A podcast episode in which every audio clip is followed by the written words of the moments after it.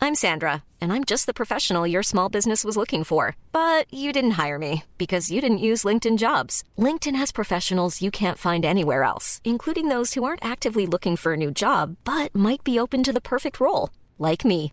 In a given month, over 70% of LinkedIn users don't visit other leading job sites. So if you're not looking on LinkedIn, you'll miss out on great candidates like Sandra. Start hiring professionals like a professional. Post your free job on linkedin.com/people slash people today.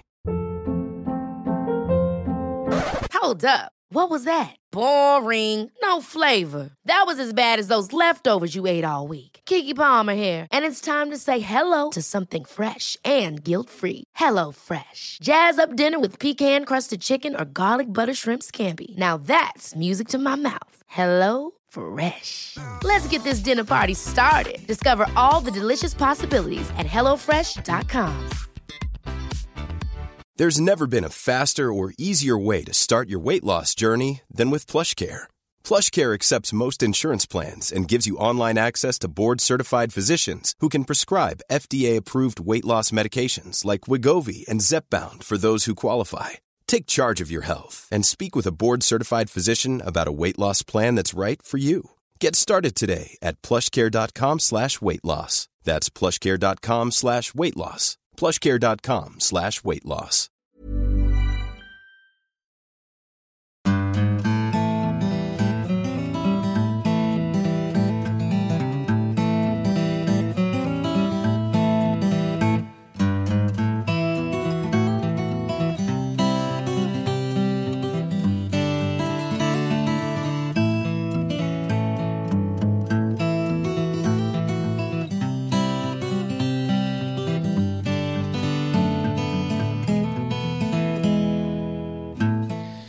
Ja, ja, ja, ja, ja. Hjertelig velkommen til en ny episode av Hall og knall-podden. Og for en juleepisode vi skal ha i dag. Ja, i hvert fall så med skikkelig julestemning. Ja, det var det jeg mener. Ja. Se hvor vi har pynta studioet i dag. Det er blitt ordentlig Nå er det altså straks jul. ja. At vi kan ha det liksom sånn pynta hele tida. Det blir altså skikkelig god, eh, sånn godt miljø her nede. Eh, Du, jeg tror du skal ta og henvende deg til eh, kvinnen i huset. Ja, det er jo meg. Ikke sant? Ja. Så jeg tror du skal henvende deg til deg sjøl, og så skal du be om at det blir, eh, det blir litt pynta her. Ja, jeg for, skal- altså- for bestandig. Når vi oppgraderer vårt podkastrom, eh, nymaling på veggene, nytt rom og alt sånt, her, så skal jeg ha Så tror jeg skal pynte litt sånn her til eh, forskjellige årstider og sånn. Ja. Ja. Det skal jeg gjøre. Du, nå er det altså eh, bitte, bitte, bitte, bitte lille julaften i dag. Mm, ja. Har du fått julestemning i kroppen? Eh, nei, ikke ennå. Å ja. Jeg får det på julaften når det lukter pinnekjøttet som ligger til, til trekking, og kålrabistappen. Og, åh, da får jeg julestemning. Ribba som står i ovnen og Nei, vi bruker ikke ribbe. Nei. Nei. Ribbe, det er sånn her hele høsten-mat for deg. Det er ikke noe sånn spesiell julemat, hæ? Jo, ribbe spi, har- Før jeg møtte deg, så spiste jeg ribbe tror jeg, en gang i året, og det var vel gjerne tredje eller fjerde eh, juledag. Mm. Midt i romjula. Nå eter jeg eh, ribbe sikkert ja, tre, fire, fem, seks, sju, åtte, ni, ti ganger før jul. Du, eh, vi, eh, vi hadde jo et eh, lønnlig håp om at ikke det skulle bli så lenge mellom forrige episode og neste episode. Ja. ut på nyåret. Altså, for et herlig lyttergjeng vi har. ja. Som bare Altså, hva det kalles for? Nuke innboksen. Nuke. Ja. Den var ny. Bombe. Å ja. Atombombe innboksen med spørsmål og kommentarer og dilemmas og what not. Ja.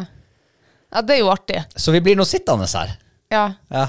Eh, Forhåpentligvis ikke hele kvelden, da, men eh, jeg var jo og leste på noen av de der dilemmaene. Eh, dilemmas. Jeg hater jo dilemmas. For at jeg, s- altså jeg blir aldri ferdig, tror jeg. Med, altså, jeg tror ikke jeg blir enig med meg sjøl engang hva, hva, ja, hva man vil, og hva man ikke vil. Og, Det er så bra utgangspunkt når man skal uff, det eh, er så jævlig irriterende. ta ass. stilling til et dilemma.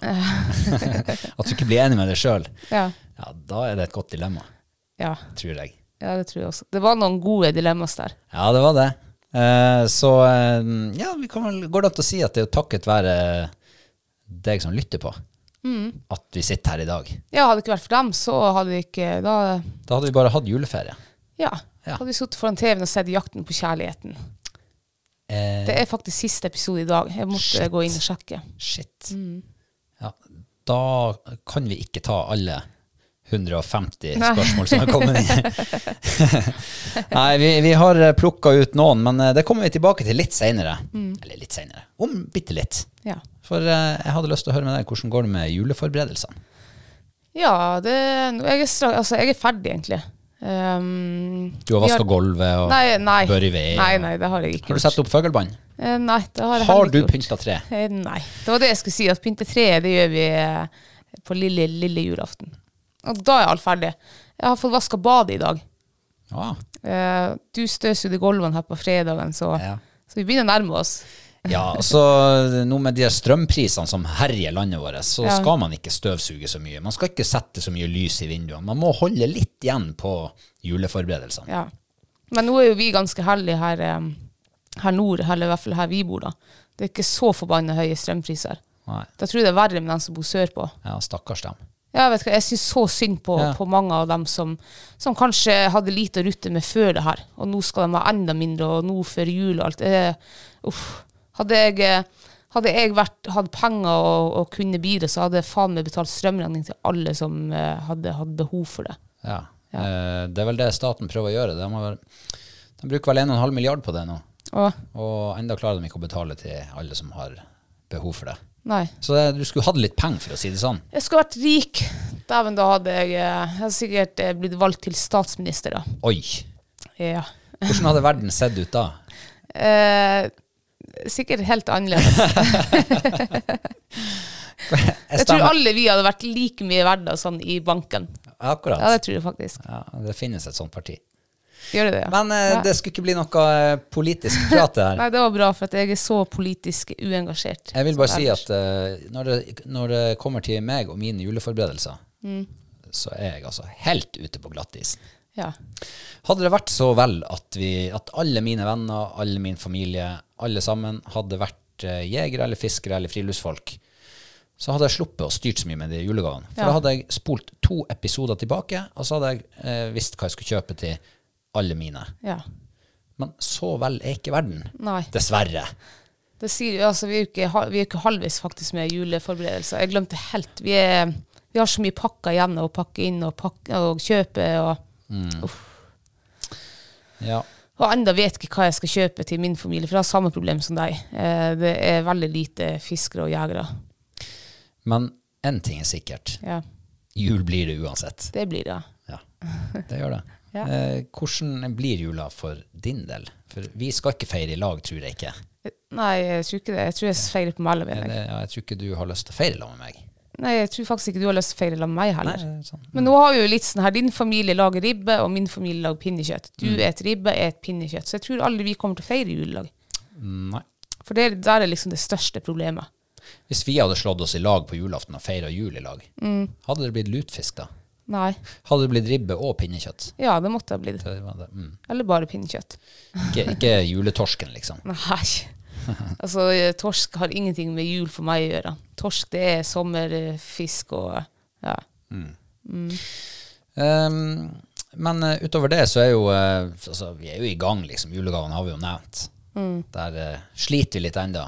Men det jeg vet, er jo at de selger jo flakslodd på de fleste butikkene. ja. Det syns jeg er dritkult å få.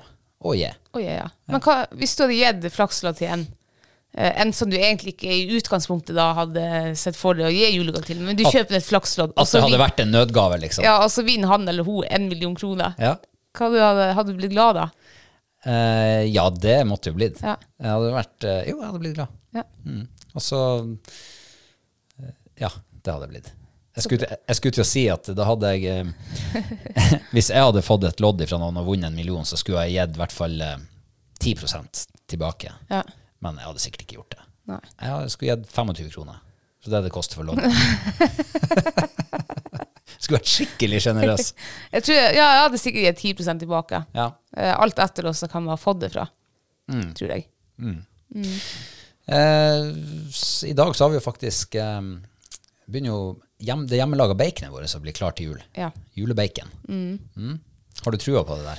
Ja, herregud, det var fin farge i det kjøttet der. Mm. Altså, det, så, altså, det var det deiligste kjøttstykket eller baconsstykket jeg har sett. Ja, Så nå det er den gleder jo jeg ikke meg blitt bacon ennå. Foreløpig er det jo bare sideflesk. Ja, det, minner, det ligner jo veldig på bacon. Ja, det gjør det. Jeg gleder meg veldig til å smake på det. Mm. Ja. Vi har jo en, en, eh, et stykke med timian på. Ja. Hva du tror du om det? Det har du aldri smakt før. Nei. Jeg, nå, jeg tror nå egentlig ikke at jeg setter noe sånn særlig preg, smak. Nei. Så det, men det blir noe spennende. Men vi må nå få mokka fram eh, røykeriet først. Det ligger vel under en halvmeter snø, sikkert. Ja, det gjør det. Og så må vi eh, finne fram spikkesilda i morgen. Ja. For vi skal jo lage julesild. Yes. Eller eh, sitronsild. Ja. Åh, herregud, det var godt. Ja, den er så god. den. Ja, den er dritgod. Det er jul for meg. Når den er ferdig, da kan bare jula komme. Og når rundstykkene dine er klare. Mm. Ja. Rundstykker med sild på. Skal vi bake noe sånn julebakst? Nei. Kake eller noe? Brød. Mm. Nei. Brød, ja. Nei, nok prat om våre juleforberedelser nå. ja. Nå skal vi gyve løs på et eh, knippe av spørsmål og dilemmas. Jeg grugleder meg, er det, er det lov å si? Ja, det er lov å si. Ja. Men det er ikke lov å gjøre det. Nei, nei. Nei. Altså, jeg bare kjenner jeg er litt sånn spent og Ja, For du vet ikke hva vi har fått så veldig mye av. Har du Nei, lest? jeg har vært, jeg har vært igjennom litt på og sett, og det er liksom øynene mine har fanget. Det har vært noen dilemmaer som har vært helt umulig å svare på, tenker jeg da. Ja, eh, jeg tenker at vi må begynne litt sånn kronologisk. Ja. For det at eh, vi har altså gjort en eh, aldri så liten forglemmelse. Ok. Eller en eh, Bare vi har vært litt hjernedøde i, her i, på vårparten. Ja. For det er altså en av våre mest trofaste lyttere som heter Christian, Å, som sendte oss et spørsmål 1. mars i fjor, ja. som har eh, rett og slett eh, gått oss hus forbi. Ja, det var, ja. Så eh, beklager så mye, Christian, men bedre seint enn aldri, hvis man kan si det sånn. Så eh, i dag skal du få svar på følgende spørsmål. Eh, verdens beste og Eller det står skråstrek. Ja. Eh, verdens verste skråstrek beste natt i telt. Sommer og vinter. Ok. Ja. Det blir noen hundre netter å velge mellom. Eh, ja. Eh, det, som, det som jeg eh, liksom umiddelbart tenker på, det er de verste, for dem glemmer man ikke. Eh, så det var dem som kom nå opp i hodet mitt. Og er det flere? Ja. Ja, men du får bare lov å ta én. Du må ta den verste. The worst. Ja, eh, ja, men da Jeg tror han nevnte den turen her før eh, på podkasten vår. altså. Det må være den, eh, den kvelden vi eh, lå i et skikkelig fint sommervær. Altså, det var blikkstille på vannet, blå himmel, 25 varmegrader på sikkert 500 meters høyde.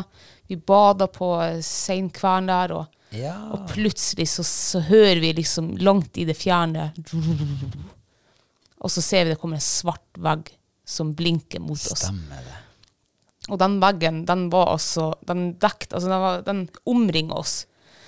Og det tordna, og det lynte, og det Vi nådde ikke å telle ett sekund engang før neste lynnedslag eh, slo ned, og det blinka og, og, og bråka. Og, og det hagla så svære den fotball...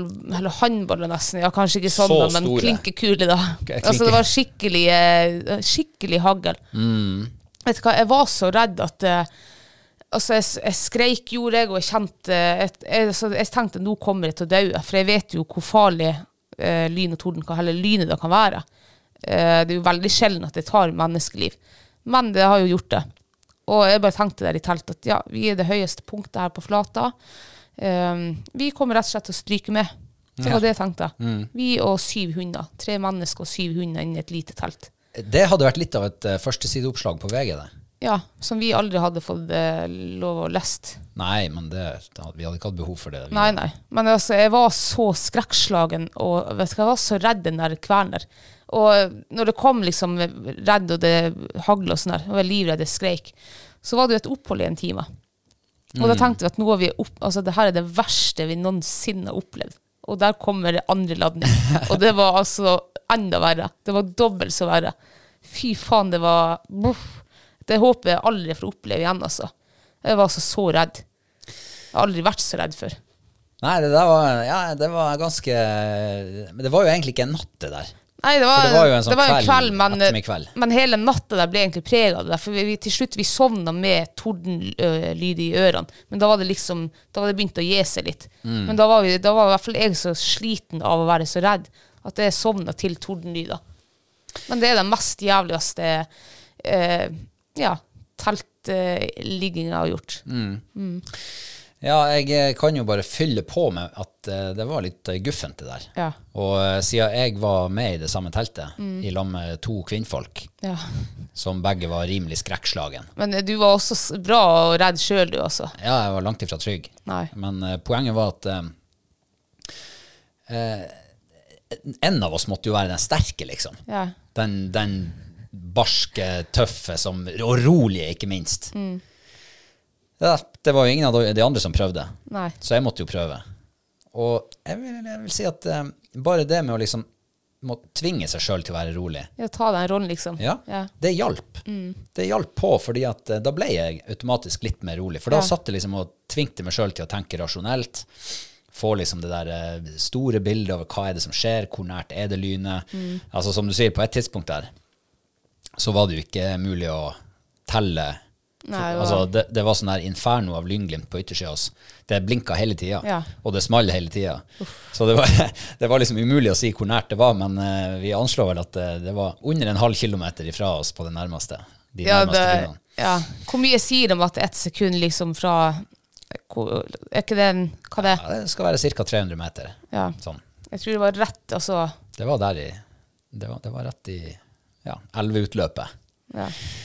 Um, men eh, en annen ting som jeg oppdaga gjennom den der kvelden der, det var jo faktisk at eh, når du er, egentlig er ganske skrekkslagen og, altså, over så lang tid, så blir du på en måte litt vant til det der. Det at det smeller rundt deg, det blir liksom OK, der smalt det igjen, og der smalt det igjen, og der Å, shit, og det var ordentlig drønn. Så du på en måte venner deg til det. Så jeg kan tenke meg dem som er i sånne her han, altså, livsfarlige situasjoner over tid. Jeg tror at du får et annet forhold til det som skjer rundt deg, når du ser at «Eh, jeg dauer ikke nå, jeg dauer ikke nå, der traff det meg ikke, det bomma, det bomma. Eh, det var egentlig en ganske, det var egentlig en fin erfaring sånn i etter, etterpå, ettertid. ja, det var jo altså Jeg har bestandig vært redd eh, torden og lyn. Bare å liksom høre det brakel, og det kan være flere kilometer ifra meg at jeg egentlig er ganske trygg.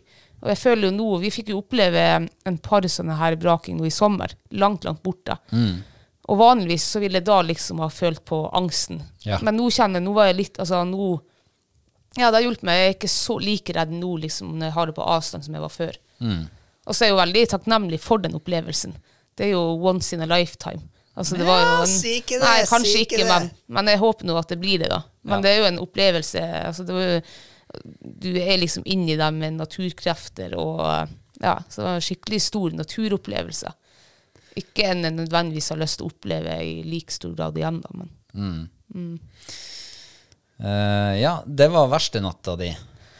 Eh, Ja. Men jeg vet ikke om jeg har noe sånn verste natt. Jeg har jo en tendens til å liksom legge bort sånne dårlige opplevelser. I hvert fall skyve dem ganske langt bak i Ja, jeg, har- jeg har- kom nå på noen med deg, jeg. Gjør du det? Ja. Ja, hjelp meg, da. Og du hadde nå en her i sommer der hun hadde pissa ut hele teltet. Ja, det var jo Det er jo ikke så ille, det. Og det var ikke ille. Altså Når du setter det i, i perspektivet, holdt på å bli truffet av 4000 lyn på et par timer, så at hun pisser i teltet og alt blir vått, det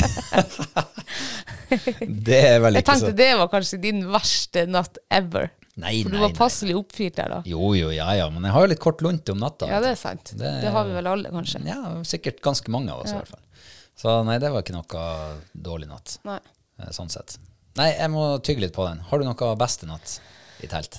Beste natt i telt. Ehm, ja, altså, hva er det, liksom? Ja, hva er det?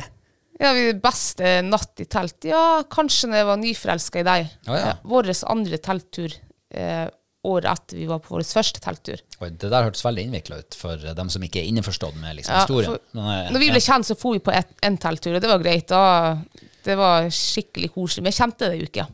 Ehm, det var noe, og det var for øvrig en jævlig natt, det, for at jeg hadde jo verken sovepose eller jeg hadde jo sovepose lagra på fjellet, Ja. men den var mugla og musespist, og så jeg hadde ikke sovepose. Nei, og du hadde jo ikke telt heller, for den var jo òg mugla og musespist. Ja, den var også, så jeg vet ikke hvordan vi kom oss Hvordan vi la oss. Men eh, an, nei, herregud, andre teltturen vår også var jo også egentlig ganske jævlig, men jeg glemte det. Men følelsen da jeg våkna med deg ved min side, for da var jeg Det her var ett år etterpå.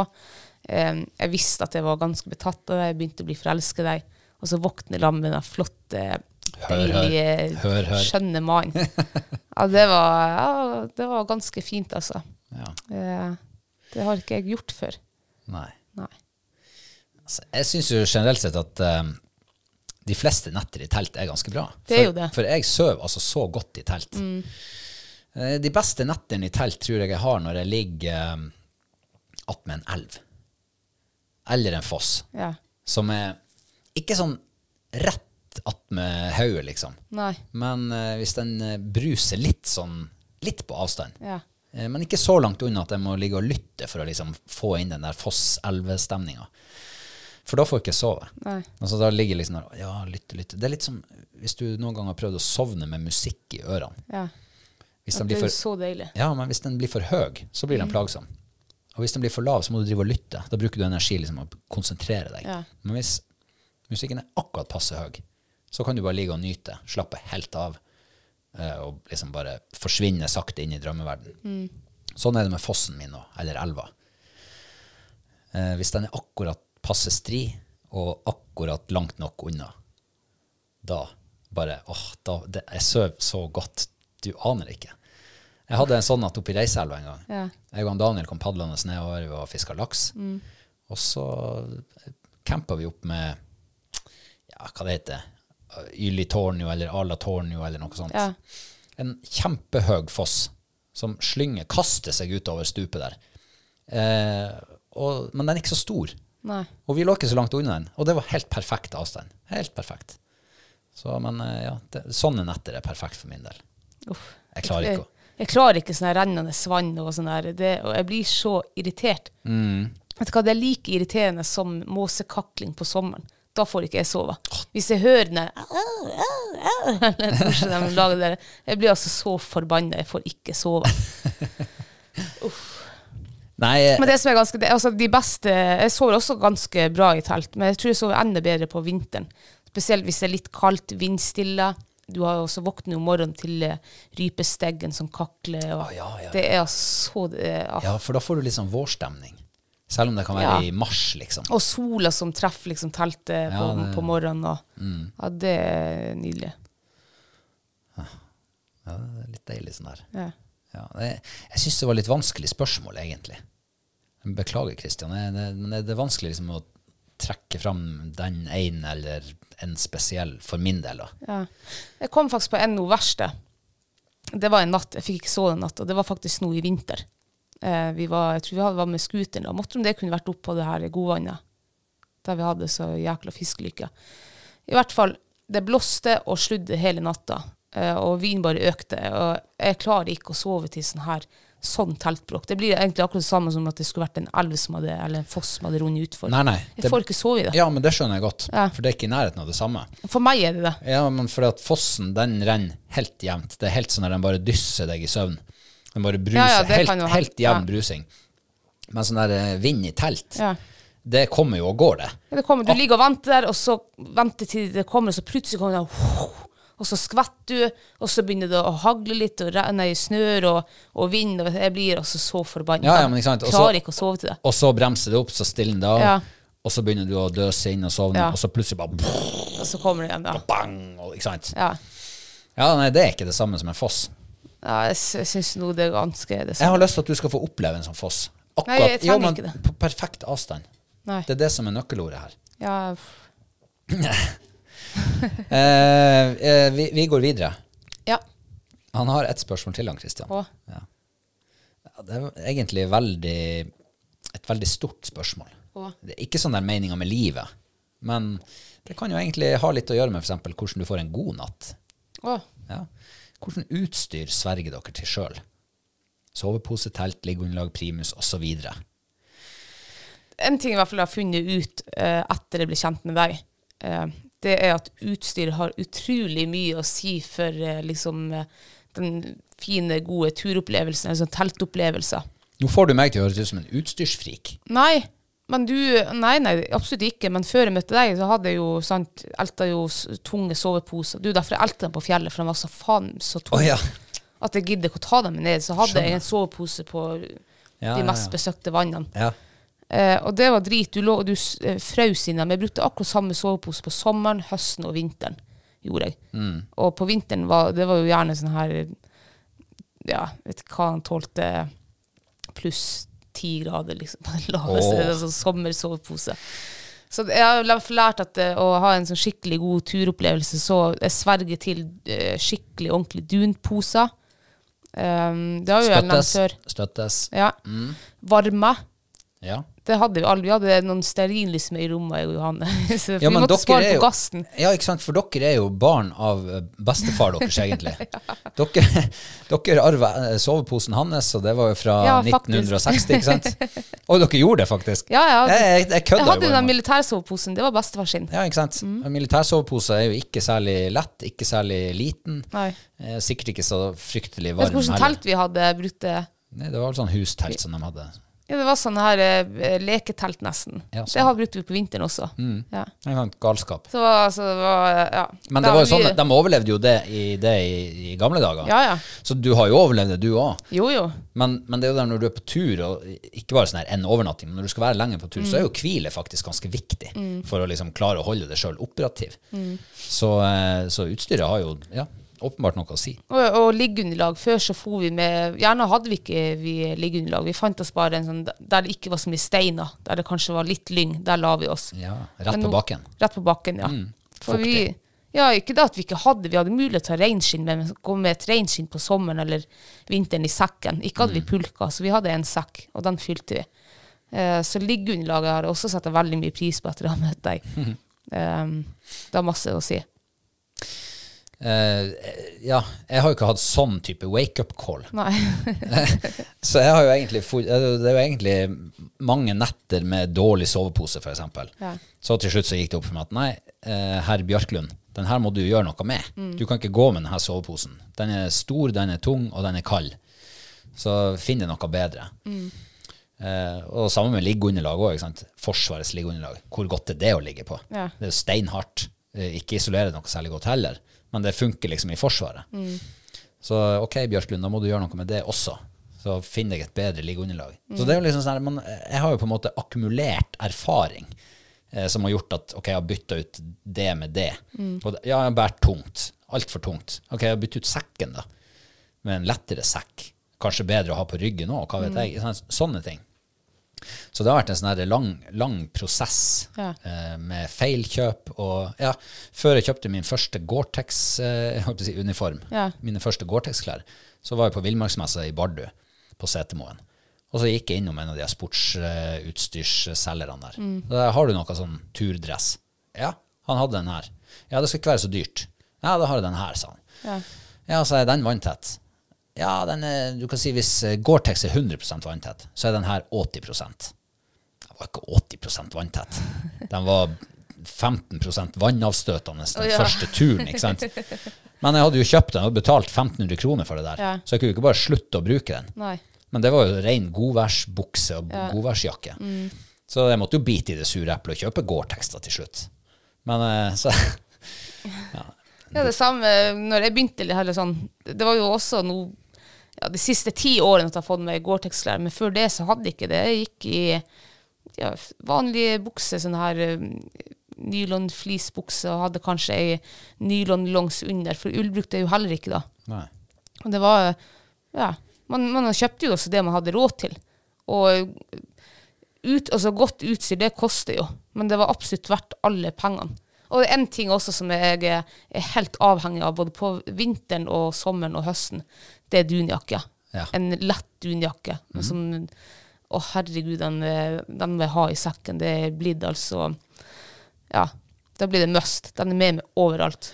Skal vi komme med et godt tips til våre lyttere i dag om Ja. Mm. eh, dun eh, sovepose?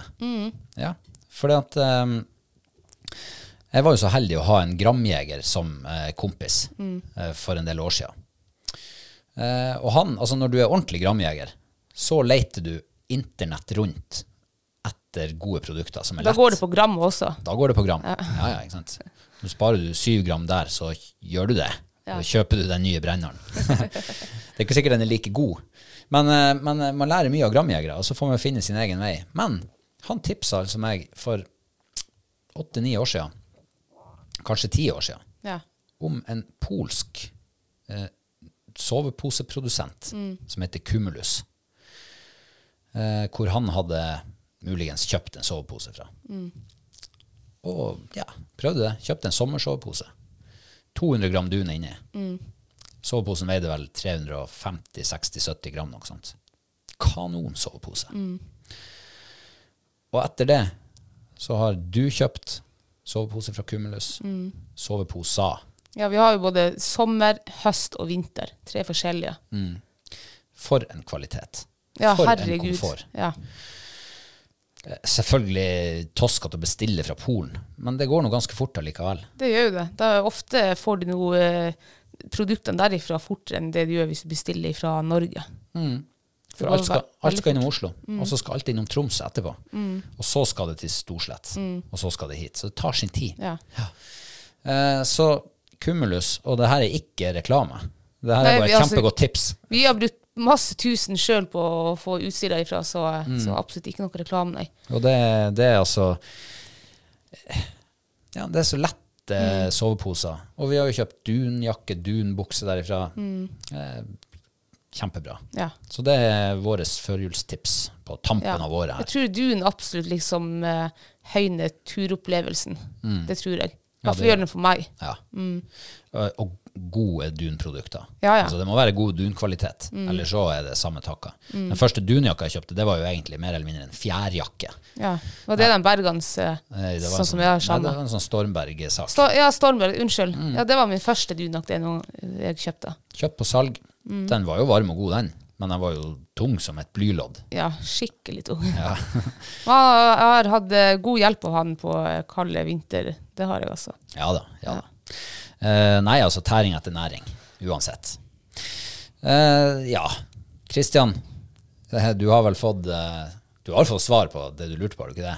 Vi har gitt litt sånn. Det var vanskelig å svare på alt i en vending, men, Ja. men eh, eh, det kan være greit å legge litt ekstra kroner i hvis man har det. Få litt ekstra kvalitet. Mm. Da går vi videre Ja, til eh, en, eh, en god venn som heter Thomas Pedersen. ja ok. Han er fra Levanger. Ja, hei Thomas. Hei, Thomas. Og han har et enkelt spørsmål. Ja, det var noe godt. Blir det tur til Levanger i løpet av 2022? Ja, det blir det. Nei, ja, det blir Det store blir, vet sjanser. du hva, jeg tror det blir to turer i hvert fall. Oi. Vi skal på rådyrjakt, eh, på lokkejakt. Mm. Eh, jeg fikk jo en fløyte hos Thomas, den glemte jeg faen meg å ta med hjem, for jeg skulle jo øve å bli verdensmester omtrent til neste gang det ble. Du må tilbake om ikke annet sammen for å hente den fløyta. Ja, nei, nå kan jeg jo kjøpe min egen, så nå har jeg jo et, over et halvt år å øve meg på. Så vi skal dit på rådyrbukkjakta Mm. 10. august, og så må vi nesten være tilbake i eh, oktober, november, eller katten når den gåsa kommer flygende dit bort. Ja. For det er altså helt svart på de jordene der. Og det, s- altså, det ser jo helt sykt ut. Det er nesten sånn at man ikke tror det, for man får se det liksom med egne øyne. Ja, det er faktisk sånn. Ja. Og han har jo drevet, han har jo sendt noen videoklipp derifra, og det er jo helt svart på vollen. Mm. Ja. Og det var jo etter at vi for derifra. Det var etter vi for derifra. Vi syns jo det var svart på vollene der. Ja, da vi, vi så var Mm. jo der. en volle med sikkert eh, vet ikke, 1000 gås på. Og Det var jo helt sykt. Jeg har jo aldri sett så mange gås i hele mitt liv, nesten. Og så sender han snap noen eh, dager seinere. Ja. Det må ha vært mange tusen gås på de Ja, For vollene. det var så svart at du klarte ikke å se ei eneste gås. Du bare tenkte at det var ei voll som var gått ødelagt eller noe. Ja, Thomas, det er nok fare for at vi kommer til Trøndelag, så eh, vi får håpe at vi får eh, losjere oss inn hos deg Ja. en gang til. Det håper vi. Ja. Vi skal over til eh, dagens første dilemma. Kom med noe en sånn lett en, da. Ja, det er kjempelett. Altså, det finnes ikke lette dilemma. Jo, kun- hva ville du ha valgt? Ville du ha bodd i ei by eller i ei bygd? Ja, jeg ville ha bodd i en bygd. Ferdig. Altså sånne dilemmaer. sh- Ja, det passer meg perfekt. Eh, Sånne dilemma får du ikke i dag. Nei, ok, faen. Nei. Men det her er fra Jon Henrik. Ja. Han eh, takker for at vi gidder å lage podkast, syns vi er ganske flinke. Takk for det. Tusen takk. Ja. Eh, nei, han syns vi er bare super, faktisk. Du har litt høye tanker om oss, du. Eh, altså Jon Henrik. Nei, du. Å ja, jeg. Du sa han syntes vi var flinke. Eh, Han skrev bare vi var super. ja, det var det han skrev. Ja, han sa ikke noe om at vi var flinke. Nei, Kanskje han liker oss som personer. Em, her kommer dilemmaet. Ja. Aldri mer jakt med hund, eller aldri mer fiske med flue. Å, herregud. Jeg sa at det fantes ikke enkle dilemmaer. Ikke i denne podkasten, i hvert fall. Jeg tror jeg hadde tatt meg en tur til Biltema og så kjøpt meg et tau. Tau! Ja. Du hadde Hvis jeg skulle velge mellom de der to. Altså, det er så umulig at du hadde Ja, Du altså, hadde ikke men- villet ja, velge. Men Du hadde, la, la oss snakke om det, da. ja, for hva er greia her, egentlig? Hva, aldri jakte med hund. Fuglehund eller hund generelt. Mm. Ja, Mm. eller hund uansett. hund uansett. Ja, Ja. Eller aldri mer jakt med hund. Eller aldri fiske med flua. Yes. Ja, det er jo de to eh, em, sysseltingene jeg gjør som er mine to store lidenskaper. Ja, det er det er veldig jo godt jakte med resonert. hund og eh, fiske med flue. Ja. Ja.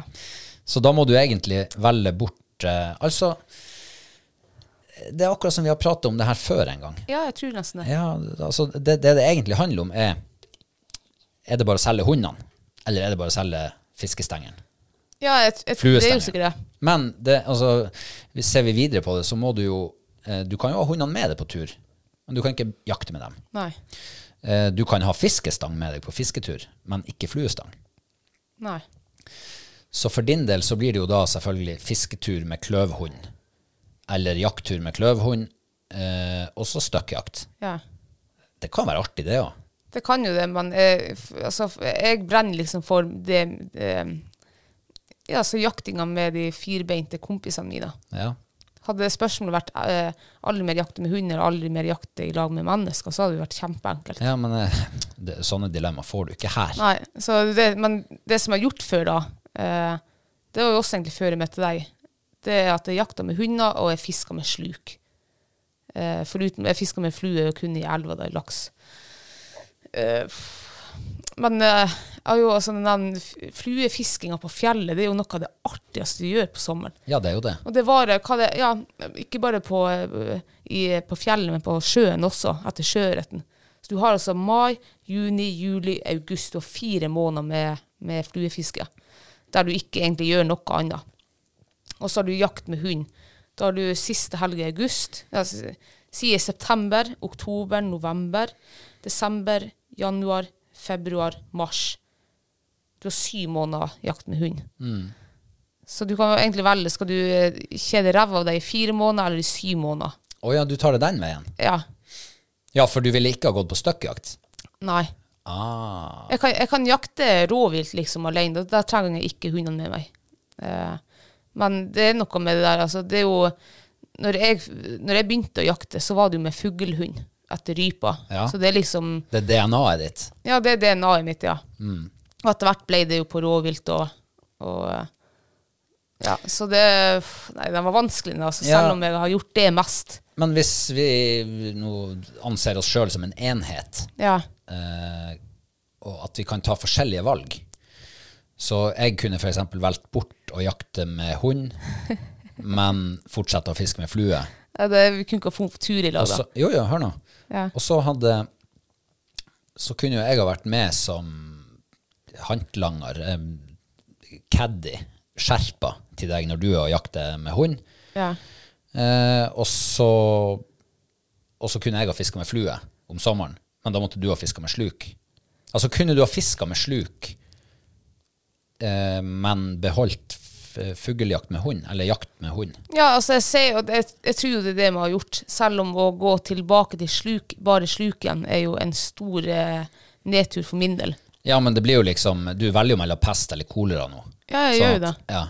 Men å, å, å vært med deg på fluefisketur, og liksom sett på den der artige eh, Når du står og skal lure storørreten med tørrflue eller røya med nymfe og sånn der. Nei, jeg kunne ikke ha vært med deg på tur, jeg. For jeg Jo. hadde blitt altså så svartsjuk. Nei, men eh, Altså, Jeg hadde stått der og ønska at ikke få, ikke ta, ikke bit. Ja, det Ja, tror jeg hadde du blitt hadde et sånn her hespetre, tror jeg hadde blitt. ja, det hadde ikke jeg villet hatt med meg på Nei, tur. ikke sant. Så jeg tror eh, Da hadde vi vært tilbake til der vi var før vi ble liksom møttes. Ja. Hvor jeg hadde vært og fiska med flue på sommeren, og, og så hadde tidenes sommer hver eneste sommer. Ja. Hadde det herlig, rett og slett. Eh, og så hadde jeg gått og jakta litt på støkkjakt etter rype på høsten. Mm. Eh, sånn at jeg fikk meg en eh, sånn førjulsmiddag, desembermiddag, sammen med gode venner. Ja. Og så hadde du vært og fylt fryseren med rype eh, om vinteren med hund, og hare, Mm. og rev med hund. ja. Og fisk så med hadde, sluk, ja. ja, så hadde du fiska med sluk om sommeren. Det hadde egentlig Ja, livene, våre, livene våre hadde vært akkurat sånn som det var før vi møttes. Før vi møttes, ja. Det er det faktisk helt var sant. jo ikke så kule liv, sånn sett. Ja, Det var kule jeg- liv, men Jeg hadde altså. noe bra og kult før jeg møtte deg. Altså, Jon Henrik, det her er liksom eh, dilemmaet til å splitte opp eh, sånne her forhold. Hva du mener det ikke var kult? Det kan godt hende du hadde det veldig lite kult før du møtte meg. Ja, altså, jeg, hadde jo, jeg levde jo i et mørke i åtte måneder i året. Ja, jeg hører jo det. Ja. Stakkars. Men jeg gjorde ikke det. Nei, du, Eh. lev- nei, du fiska med sluk, det var jo artig, det. Ja. Men, men du, Ja. det har jeg sett, da. hvis, vi, hvis vi prøver å, å se det her som at vi er en enhet fortsatt, at vi kunne Ja. ha dratt litt nytte av hverandre sine valg, så har jo jeg hørt Jeg har ikke opplevd det sjøl, Nei. det skal sies. Men han Daniel han eh, opererer jo sammen med noen eh, slukfiskere, Ja. altså vår kompis. Eh, og han har jo sagt at av og til når de står attmed hverandre og fisker, så For slukfiskeren hiver jo si 100 meter ut. Ja. Det klarer ikke en fluefisker. Nei. Du hiver jo 30 meter i medvind. Ja, ja. Nei, Ikke sant? Men så kan slukfisken liksom få fisk å følge etter fra langt, langt der ute. Eh, og de fiskene som kommer inn og ikke biter på sluken, de har du jo sjansen å ta på flue. Så da er slukfiskerne gode nok. Eh, ja, så jeg, har, altså, jeg har ikke noe imot slukfiskere. Nei. Nei, nei, det er ikke det. Det er bare at jeg gjør ikke det sjøl. Det blir ikke sånn da hvis jeg, eh, vi to drar på tur igjen, så, og så fisker du med flue og jeg med sluk, og så når, vi, når den turen er over, så ringer du kompisen din og jeg der at hun helvetes Kristine, hun kaster med den sluken og er så forbanna på og Ja, hun skjønner jævla ikke fluefiske, slukfisk- liksom. Ja. Ja, ja, hva det, altså, du, Men da tror jeg det hadde blitt sånn der, jeg. ja, det tror jeg òg. For jeg følte, altså Før når jeg fisker med sluk, jeg, da hater jeg fluefiskere. I elva, i hvert fall. Ja, de var Tenkte, så fin "Fy faen." på det, liksom. Ja, jeg tenkte "Ko- her kommer storkaren og, og tror Ja. Mm. de har førsterett. og Jeg var så forbanna på Har til og med fluefiskere. vadra på seg. Ja, jeg syns det var helt fjottete. Eh, Sixpence. så Ja, nei, men jeg tror jeg, tror jeg hadde gått tilbake til mitt gamle liv da. Jeg hadde blitt slukfisker, og så hadde jeg fortsatt å jakte med, med hund. For det, hvis jeg skulle ha veid opp de to lidenskapene, fluefiske og hund, selv om det er egentlig helt umulig, men hvis jeg liksom fikk kniven på strupen og måtte ja, det er jo det velge, du får nå. ja, da er hundene det absolutt, for det er mye merverdi i dem også hele året og ja, enn ei fluestang. Ja, selv om eh, den var tøff. Ja, men eh, du er jo, eh, vi var jo inne på det her, at det er jo DNA-et ditt å jakte med hund. Ja. Mm. Mitt DNA er jo fluefiske. Så jeg, jeg hadde ikke klart å liksom gå på akkord med mitt eget DNA. Nei. Så hadde jeg heller fått gjort noen tillempinger på vei. Jeg kunne ha vært med som hjelpesmann eh, når du var jakta med hund, eller så hadde jeg tatt med noen sånne her, kanskje jeg hadde blitt eh, kjempegod i å jakte hare, for eksempel. Ja, kanskje kanskje, jeg du hadde hadde begynt med toppjakt på et tiur. Ja, Kanskje du hadde blitt den rå eh, rovviltjegeren også, og du hadde skutt eh, gaupe og jerv på eh, og så gått alene der. Og, Jeg hadde flytta inn i åtebua på vinterstid. ja, Ja, det, ja så, sånt liv kunne jeg ha blitt pelsjeger, rett og slett. ja. Ja, og sånn riflejeger. Mm. Ja. Så du hadde valgt flua da, ja. Jeg hadde valgt flua, ja. Ja. Jeg hadde nok måttet gjort det. ja. Mm. Men da kunne du ha solgt mine fluefiskeutstyr og, og dine hunde, jakthundeutstyr. Kanskje det hadde blitt en colatur. Nei, det kan jo ikke bli, for da må jo jeg ferdig med slukstanga. Ja, det tror ikke Nei, jeg lå der. glem det. Nei. Mm.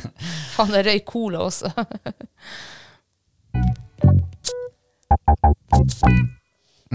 Ja, måtte bare hente igjen pusten. um, ja. Jeg tror vi tar et dilemma til. Ok. Og den her, altså, den her er, hvis den forrige var vanskelig, Nei. så er den her ja, den er minst like vanskelig.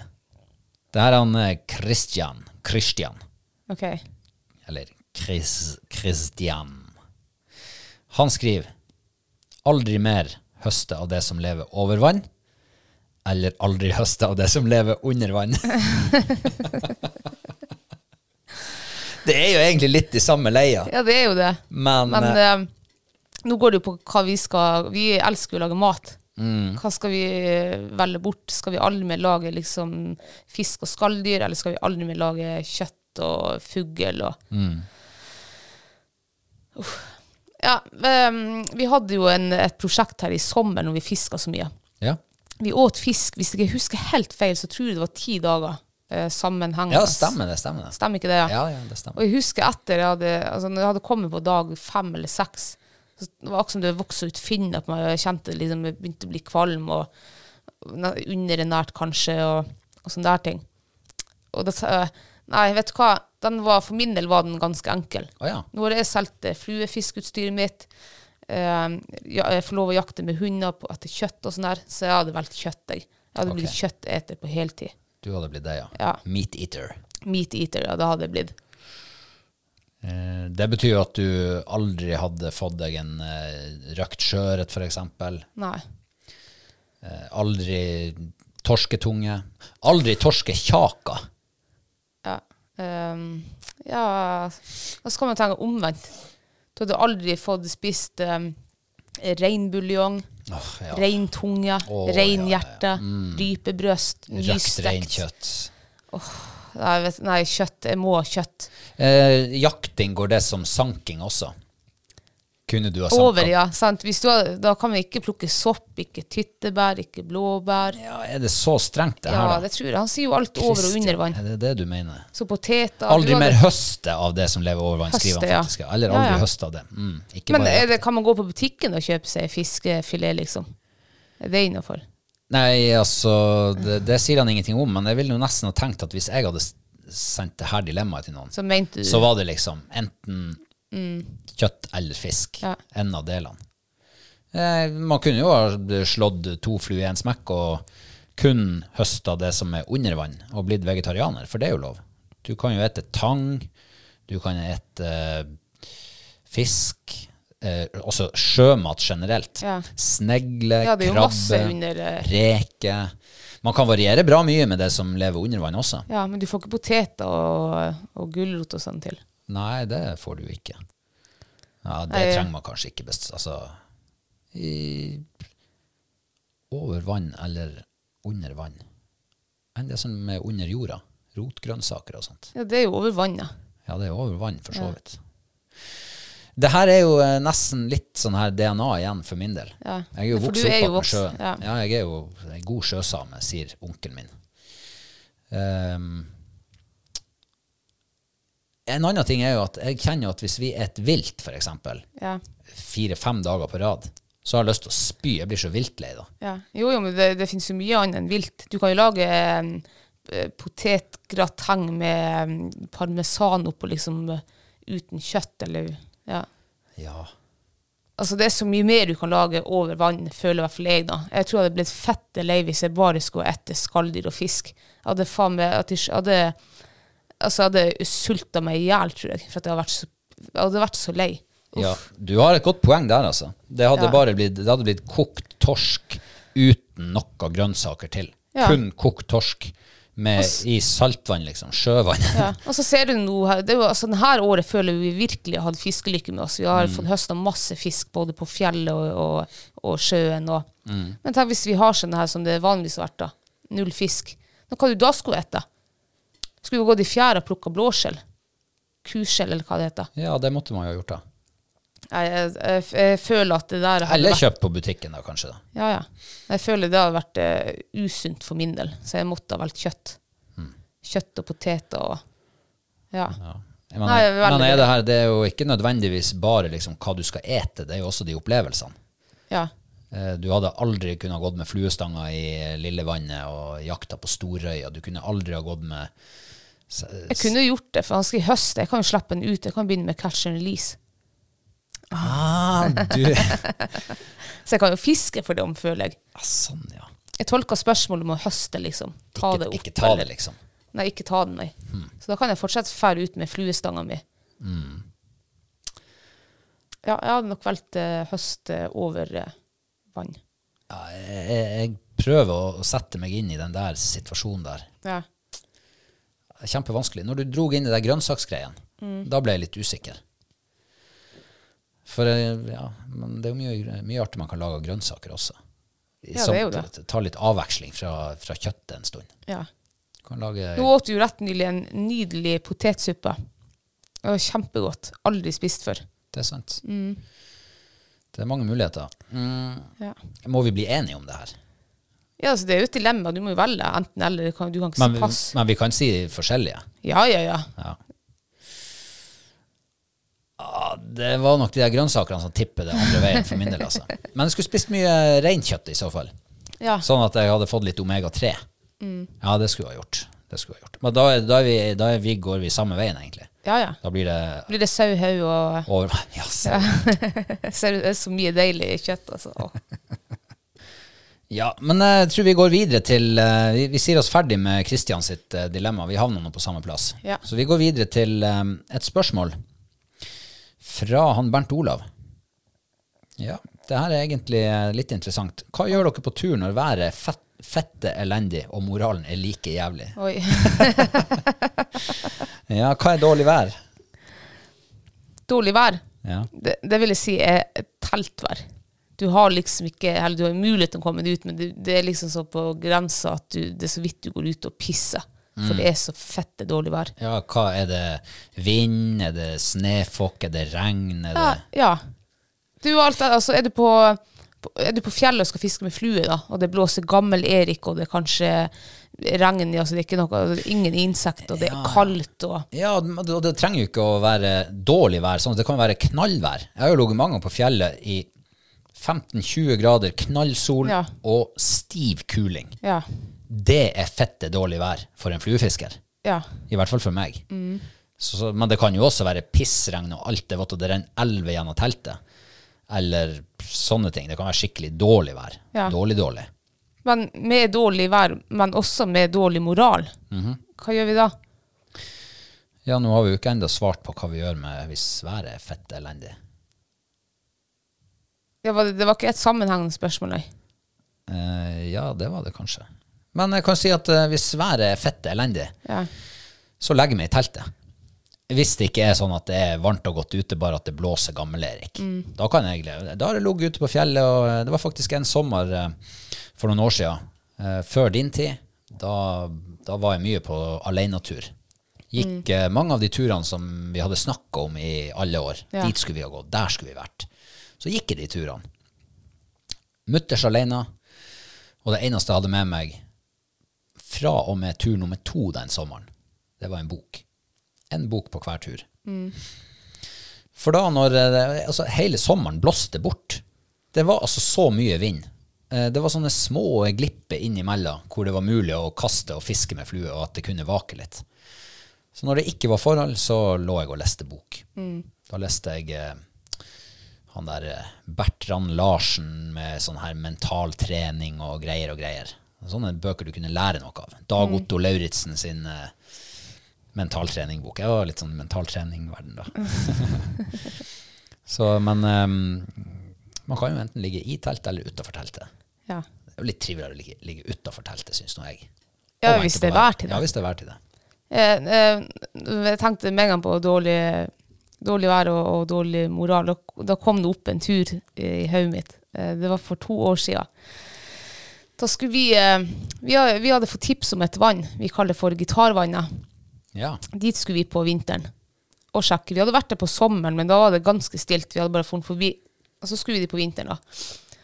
Og vi gikk inn dit i dårlig vær. Altså var null sikt. Eh, vi kom på vannet der, og vi så jo ingenting. Vi måtte bare liksom kikke på GPS-en hvor vi skulle både holde den og slå teltet. Og vi gjorde det. Det her var vel en fredags ettermiddag kveld.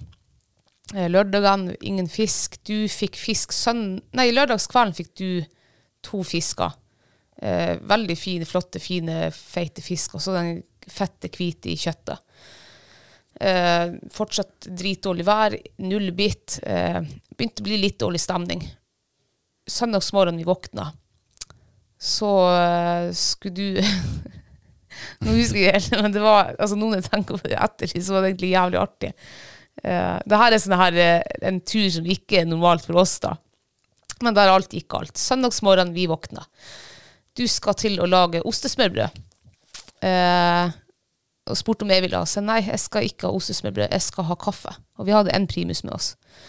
Ja vel, sa du. Og du ordna ostesmørbrød, og jeg ordna kaffevann.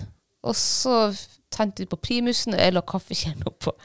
Kom det i forkjøpet. Du hadde akkurat skåret ost og lagt på brødskiven og skulle ha stekepanne på. Og der eh, Altså, der starta helvete. Jeg, jeg vet ikke hva du snakker om. Ja, jeg husker det for godt. Altså, det, ble, det ble skikkelig Det ble uenighet der ble det. Og søndagsmorgen i drittdårlig vær, vi var skitlei, vi var iskalde, det var null bit fiskebit. Eh, Det ble verken kaffe eller ostesmørbrød. Eh, Jeg tror vi pakka sammen ikke så veldig lenge etterpå. for hjem. Vi ble heldigvis venner på tur da. Eh, Men eh, det er- Ja, hva gjør man da? Eh, Ja, det var, jeg kom i hvert fall på den der turen. Jeg syns det var litt artig nå i ettertid. Ja, altså, moralen er jo, det er jo liksom Det er jo det som knekker en tur. Ja, det er jo det. Hvis man har dårlig moral, Ja. altså at det her er Livet er trasig. Ja. Mm. Det er elendige forhold. Det er enten at det er lite fisk, eller lite fugl, eller Mm. ting virker ikke, eller altså alt går imot. Murphy er virkelig på jobb. Ja. Da er det, det, det er bare én ting å gjøre, da. Det er bare å gå hjem. ja, men jeg tenker ikke nødvendigvis.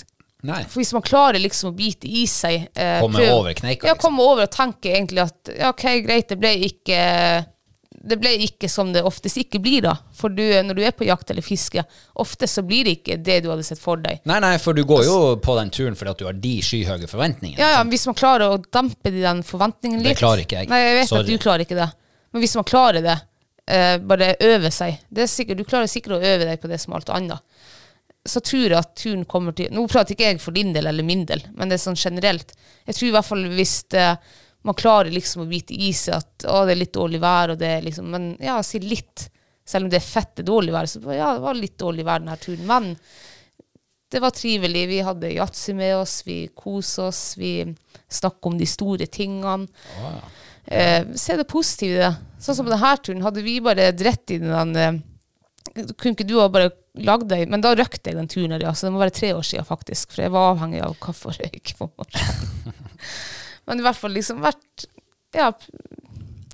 Ikke ha dårlig moral på tur, så tror jeg mange turer hadde vært eh, um, Redda. Mye, ja, redda og liksom mye bedre enn enn det du først trodde, da. Tror jeg. Ja, men altså, nå var ikke spørsmålet hva man gjør når det er dårlig vær og dårlig moral. Nei, det er hva- hva... gjør du? Det var et spørsmål til oss, det Ja, var ikke hva- til ja. verden. Det var til oss. Hva, Ok. gjør, vi- hva gjør du når det er dårlig moral og dårlig vær? Ja. Det jeg gjør, det er å smøre meg med tålmodighet. Ja.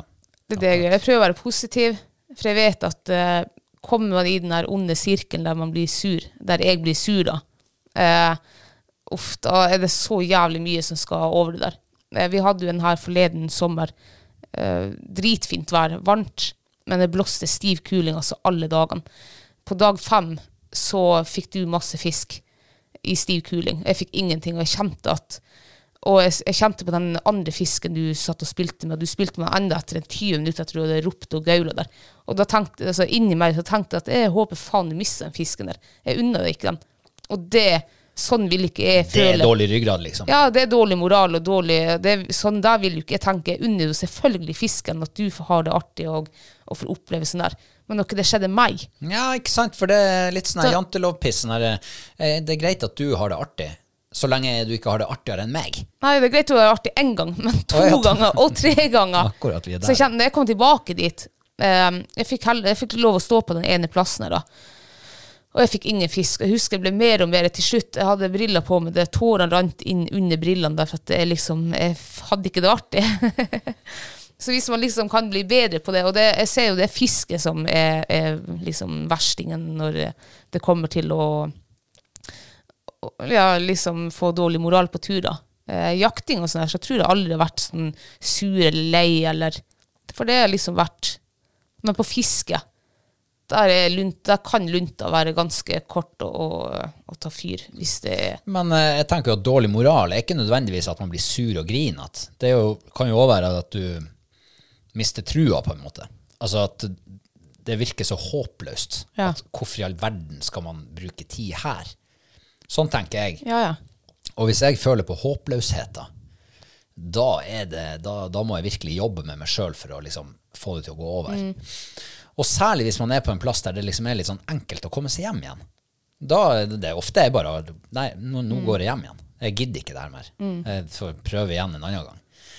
Eh, og hvis været i tillegg er dritt da, Altså, godt vær For meg så gjør det at eh, lunta mi, eller liksom tålmodigheta mi, er litt bedre. Ja. Hvis det er fine forhold og fint å ligge og ikke sant, været i, i marka, så s- da skal det være ganske elendig for at jeg liksom kjenner at nå begynner håpløsheten å slå inn. Ja. Men eh, jeg beit meg merke i det du, sta- det du sa i sted, at man må liksom, det er det du tenker. Altså du må tenke annerledes. Ja, tenke annerledes. Ja, det er kun og- du som kan, eh, kan bestemme eller styre om turen skal bli et helvete, eller om det skal bli vellykka. Ja, og for mange år siden så leste jeg jo mange sånne her mental eh, treningbøker når, når jeg var på tur. Ja, ja, ja. Eh, og i tillegg så var jeg på foredrag med en fyr som heter Henrik Aase, som forandra livet mitt for alltid. Han eh, snakka om det med å eh, altså, Nevrolingvistisk programmering kalte han det for. Å. Og det er liksom Hva er det du putter inn i talen til deg sjøl hver eneste dag? Hva putter du inn i talen til den, den eneste tilskueren som sitter foran scenen og har optimale lydforhold og oppmerksomheten retta på deg? Hva sier du til han fyren der, eller hun jenta der? Er det trist og trasig, og er det håpløst, og det her går ikke, og noe Nei, nei, nei, nei, nei det her er helt håpløst. Ja. Så blir det det. Men hvis du klarer og det her er treningssak. Ja. Hvis du klarer å venne deg til å snakke positivt, konstruktivt, til det mennesket som sitter der i salen og hører på deg sjøl, så er veien mye lenger før alt blir håpløst. Ja. Eh, så, men det der er jo lett å si. Eh, men jeg har faktisk eh, jeg har gjort det med meg sjøl en gang, sånn i, i real life. Ja. I, når det var selvfølgelig snakk om litt større ting enn at det var dårlige forhold når man sto og fiska. Men, eh, men det er nok noe med det. Eh, og så tror jeg òg at, eh, som jeg nevnte, at hvi- hvis det er veldig fort gjort å komme seg hjem, Ja, da er, det, altså, da er det jo veldig enkelt å bare drite i alt og bare da komme trenger seg du, vekk. ikke, ja, ikke sant? du trenger ikke å være så konstruktiv i, Nei. i samtalen med deg sjøl. men ligger du milevis inne på fjellet, og du vet at det er en dags marsj å gå hjem igjen, Mm. Ja. så er du kanskje pokker meg nødt til å være litt eh, stilig med deg sjøl. Ja, pluss at du vet at eh, Og, og det, skjer, og det er veldig kort avstand til den turen du er på. Så er det veldig lett for meg å tenke at nei, jeg, jeg går hjem, og er det bedre vær i morgen eller overmorgen, så hafter man ikke å springe inn igjen. Men så enkelt er det ikke hvis du må ha en hel dag for å komme deg inn dit. Da, er det, da syns jeg i hvert fall det er mer vrient også å skal forlate den turen her. For det kan jo hende at i morgen så er liksom bare alt stemmer. Det er du føler deg bedre, og det er fint vær, og fisken er der, og Mm. sånne der ting. Så den, eh, ja. Ja. Men Jeg tror det å, å Men jeg tror også det å, å sette seg ikke, Altså ikke sette seg så høye forventninger. når du Ja, det skal er jo på lett tur. å si det. Nei, men hvis du øver deg på det. Å, ja, sånn, jeg er ja. veldig flink til deg. Ja, ja, ja. Jeg har aldri veldig høy forventning verken jeg går ut på jakt eller fiske. Så jeg blir veldig, veldig sjelden veldig skuffa. Det gjør jeg ikke. For jeg vet at eh, mest sannsynlig av erfaring så, så blir det ikke helt sånn. Men da kan man fokusere på andre ting. Ja, hundearbeid, eller om du var flink å kaste. Hadde du en god kastedag med fluestanger, eller ja. Altså sånne ting. Så jeg har blitt veldig flink på det. Jeg var, jeg var nok mye mer utålmodig og, eh, og grinete og sånn der hvis ikke ting fungerte når jeg var litt yngre. Men eh, sånn føler jeg ikke. Jeg føler meg mye mer positiv nå. Og, og, men det tror jeg for at jeg har eh, ofte har jeg eh, veldig lave forventninger. Artig at du sier det der. Ja. For eh, jeg tror man kan dra en liten eh, sammenligning til eh, Jeg kan dra en liten sammenligning Ja. til meg sjøl. Når jeg begynte med fluefiske, de første fluestengene mine som jeg kjøpte når jeg var i tenårene, begynnelsen av 20-årene Jeg var ung og fremadstormende, eller i hvert fall ung. og, eh, og var veldig sånn her smakk, smakk, smakk, smakk, smakk. Ting skulle gå her. Bang, bang, bang. Fort, effektivt. eh, eh, ja. Hadde ikke veldig god tid, liksom. Nei. De f- eh, fluestengene jeg hadde da, Ja. var veldig stiv og kjapp og liksom sånn djing, djing, djing. Det var liksom kontant, kjapp, presis, alt det der. Eh, og så oppdaga jeg at jeg begynte å bli litt eldre, få litt mer livserfaring. Ja. Og neste stanga jeg kjøpte, den var ikke så stiv og s- s- kjapp og rask. Og jeg kjøpte en som var litt roligere, litt mjukere, litt djupere aksjon. mye mer sånn kosefiskete Ja. enn den stanga. Og så kjøpte jeg meg en til stang, enda litt roligere. Ble sånn, å, trestang, kjempespagettistang, ikke sant? Kan stå der at med en liten elv, slappe av, se på solnedgangen, høre mygger som surrer i ørene. Liksom, den der gode stemninga, Ja. den fikk jeg liksom ut gjennom stanga, ut på vannet, gjennom fluesnøret. Ja. Sto bare sånn «Husj, husj, husj», I stedet for sånn «tjo, tjo, tjo, tjo». Sant? Du ser forskjellen. Ja. Og det der tror jeg bare sånn Du modnes litt, du blir litt mer voksen, får litt mer sånn her ah, ah, Det går seg noe til. Ting ordner seg. Det er ikke så verst, det her. her. Trenger ikke å liksom være sånn her på i framskoen hele tida. Nei. Så kanskje det er det du beskriver her nå, Ja. som har skjedd med deg også. Bare ikke eksemplifisert gjennom fluestanga, men gjennom Gjennom egentlig alt. jaktturen. Ja. Ja, Mm. alt. Ja, alt. Gjennom alt, egentlig. Ja. Så kanskje man bare egentlig roer seg litt mer eh, når man blir litt mer voksen, får litt mer tålmodighet. Ikke det at jeg har fått mer tålmodighet, da, men, men eh, at man liksom Ja. Og så ser jeg også, Før jeg møtte deg, så jeg havna veldig ofte på isfisketurer. Og da var det sånn her eh, Vi sov nesten ikke på en isfisketur hvis vi lå på fjellet i et par dager. For at vi, det skulle fiskes. Det var Vi- ikke fordi at dere hadde dårlig sovepose og gammelt Ja, kanskje det også, Jaså, men det, vi dårlig var helt, det var liggeunderlag. sånn stresstur, var det. For vi skulle, det skulle fiskes og fiskes og fiskes, og, og så var det røyk og kaffe, og så fisk og fisk og fiske, røyk, kaffe, fiske, fiske, fiske. Jeg ser nå når jeg og du har vært på isfisketurer, det er jo nesten sånn at jeg nesten ikke gidder å bore et eh, hold. Jeg kjenner at det der kan vente, nå skal vi kose oss, legge oss i teltet, koke kaffe, spise mat. Altså den fisk, altså, isfiskinga før var egentlig veldig sånn her stort for meg. Og på en måte er det like stort for meg nå også, den opplevelsen. Men jeg har lært liksom òg å eh, se hele turen under ett. At det ikke bare den isfiskinga. Og det syns jeg er litt deilig, at jeg slipper det stresset der. Ja. Vi sto tidlig opp om morgenen. og Jeg husker nå etter jeg møtte deg igjen, og jeg og Johanne fortsatte for på fisketurer. Da er det faen meg hun ute av teltet før altså, Jeg vet ikke om hun hadde nådd å komme inn og lagt seg engang. Da er det hun, hun er fortsatt sånn der. Hun borer og fisker og fisker og borer, og, og det klarer ikke jeg mer. Og det er jeg veldig glad for for min egen del. Ja. For jeg føler at jeg kan kose meg nå på en annen måte. Ja. Ja. Så herlig. Nå er jo faktisk, du er mer ivrig enn meg på isfisketurer, Ja, d- ja ok. så det er jo ja, artig. Den er grei, du. Vi går videre. Eh, vi skal over til et nytt dilemma. Ok. Var det et dilemma vi hadde sist, forresten? Jeg husker faen ikke hva Nei, vi Mm. nei, nei, har nei, pratet om. nei, det var Bernt Ola som lurte på hva vi gjorde når det var fett elendig. Å ja, Og vi dårlig var været. der, ja. og dårlig moral. Em, nei, vi har en som heter Lars. Han har sendt oss et eh, veldig godt dilemma. Altså, det er mye gode dilemmamakere der ute. Ja. Em, bestandig miste fisk rett etter de har tatt flua, ja vel. eller bestandig bomme på fugl i stand for hundene. Å, herregud. Altså, var nå ikke det andre dilemmaet vanskelig, så er nå i hvert fall den her. For Ja. begge to er jo altså så irriterende. Ja, det er Altså, det river langt inn i sjela mi. Mm. Altså, Å, du, herregud. du har jo eh, Det var vel i forrige episode du sa at du hadde hatt en litt dårlig høst. Mye bomskudd. Mm. Ja. Mm. Hvordan føles det, liksom? ja, det føles egentlig eh, en, Ja, den kikker du gjennom fingrene. To Da begynner du liksom å, å tenke over det, og liksom, du får kanskje ikke sove helt den natta. Og tre ja, Da er du ødelagt, nesten. Eh, ikke akkurat sånn, da, men, Nei, men når bare- det- ja. Eh, så altså Hvis jeg bommer Og det er ikke bare på, på Var det fugl han skrev? I stand for hund. Ja, ok, for det er ikke bare i fugl at det Eller, en bomme på en rype, det gjør ingenting. Eh, Det er jævlig irriterende hvis du bommer ofte på en rype, sånn som jeg har gjort nå i høst. Men liksom å bomme på en tiur Du har den ene sjansen, så det er ikke mange sjanser. Du, det er jo som regel når vi er i Sverige denne uka, at du har mulighet til å, å bomme eller treffe en tiur. Ja, du har veldig gode muligheter til å bomme, i hvert fall. Ja, det har du.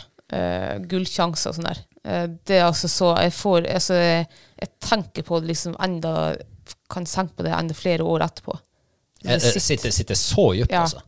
Det gjør det. Det var jeg faktisk ikke klar over. Takk Nei. for at du eh, lærer meg mer om deg. Ja, nei, det sitter faktisk så dypt. Ehm, jeg har både rev for hund og tiur for hund som, som sitter ganske dypt, ja. For at der er- var det kun Altså, altså det skulle ikke gå annet.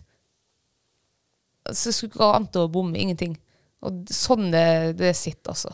Det sitter i en evighet. Men fisking også.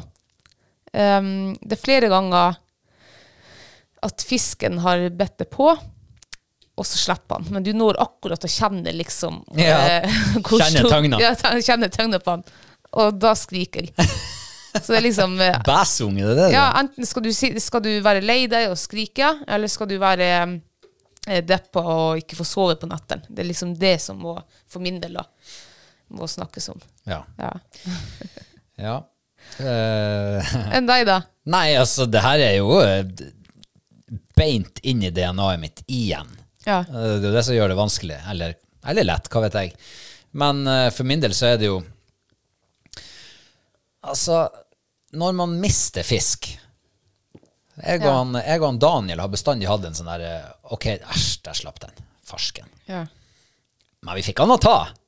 ja. Vi fikk Det er han å jo en ta. prestasjon, det. Ikke sant? Ja. Så det er jo det der eh, du, Når du står og jakter på fisk, en ørret eller en røye, Mm.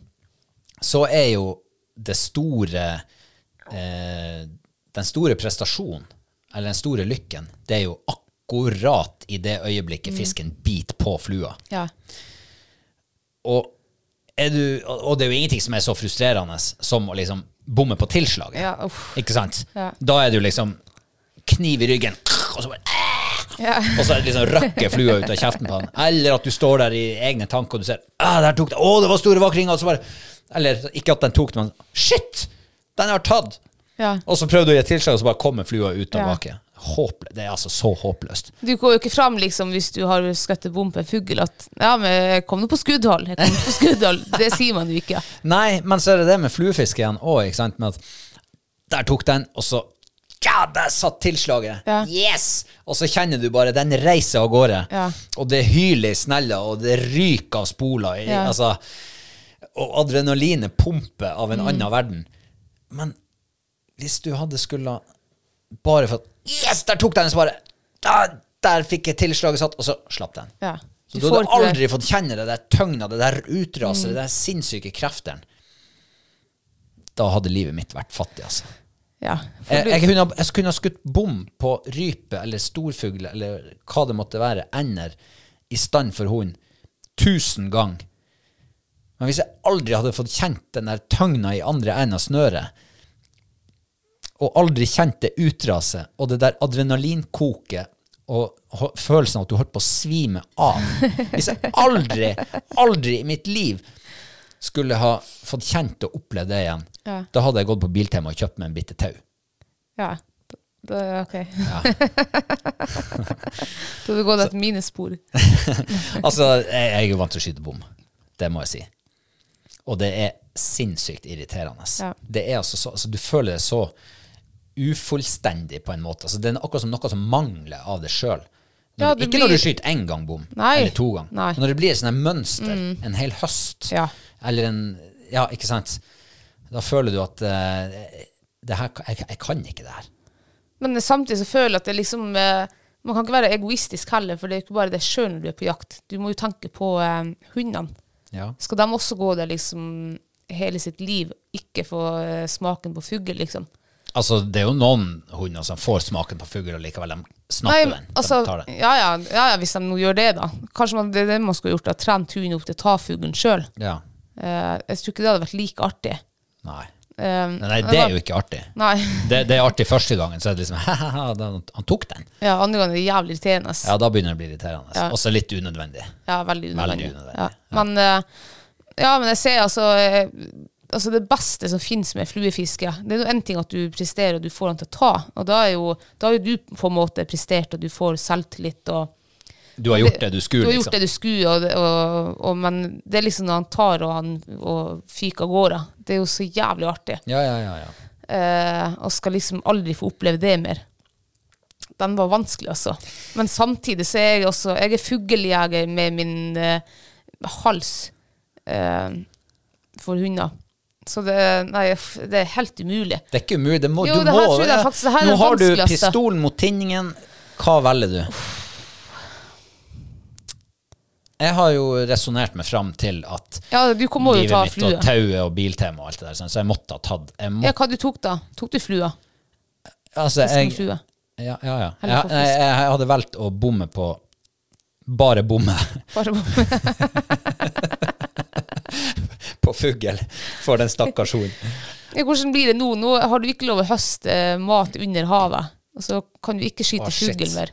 Du kommer til å å bli en, ja, du kommer faktisk til å bli vegetarianer, du.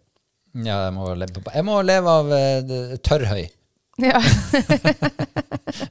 resten av livet mitt.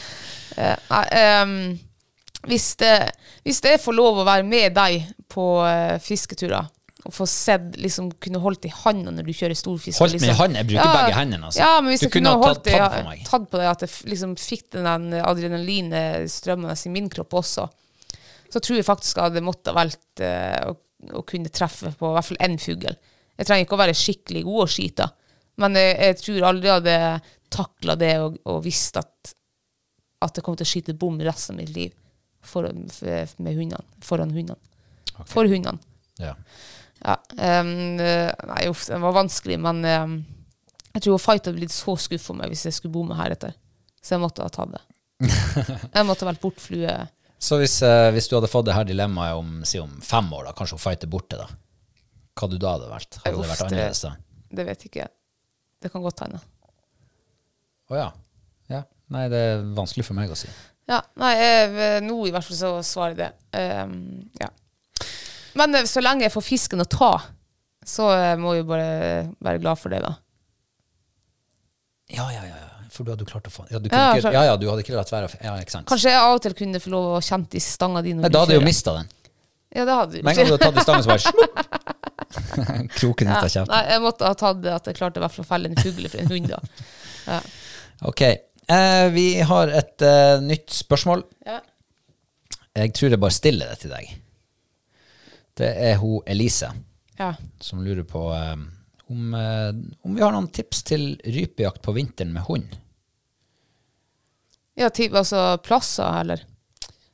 Jeg eh, oppfatter det jo som liksom eh, sånn jakt Altså ikke, ikke hvor du skal fære og jakte. Nei. Hvis det er det, hva du da hadde ville ha sagt?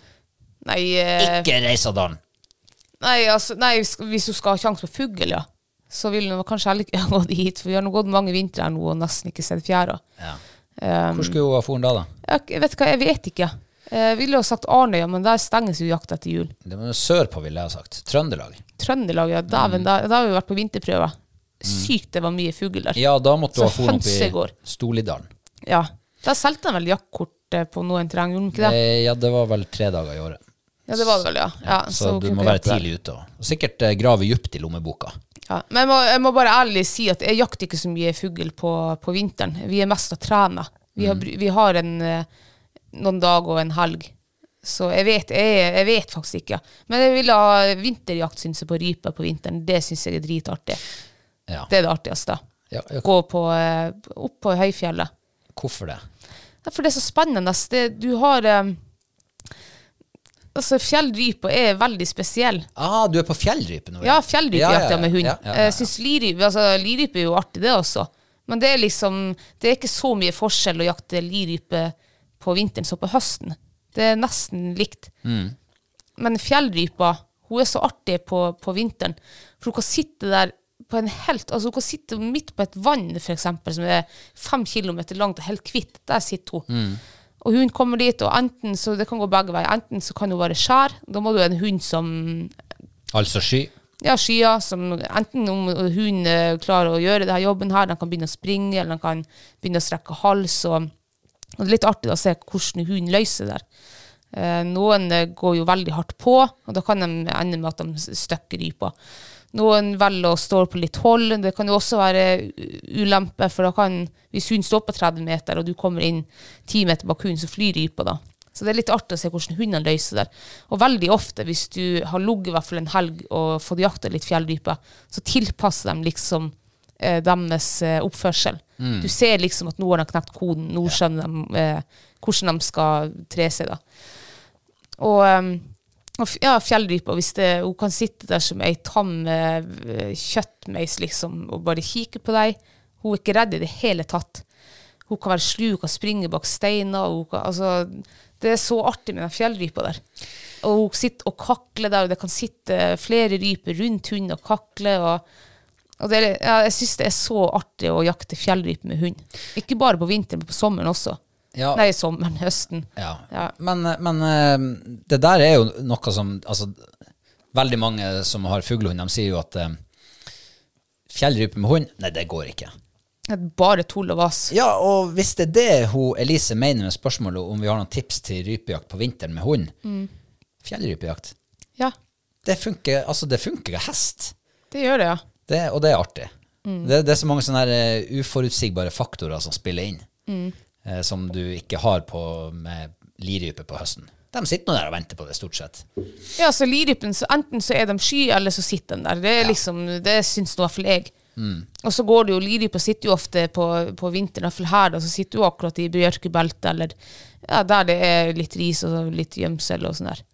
Eh, veldig trivelig det også. Jeg trener mye på lirype på vinteren, men når jeg jakter, så jakter jeg fjellrype på vinteren med hund, og det syns jeg er dritartig. Det er så kult når, når hunden står i silhuett oppå den eh, platået der som er dekt med helt hvit snø, og så kanskje en grå stein der, og der sitter fjellrypa og, og, og eh, pynter seg. Og, ja, det er så, så kult, det. da.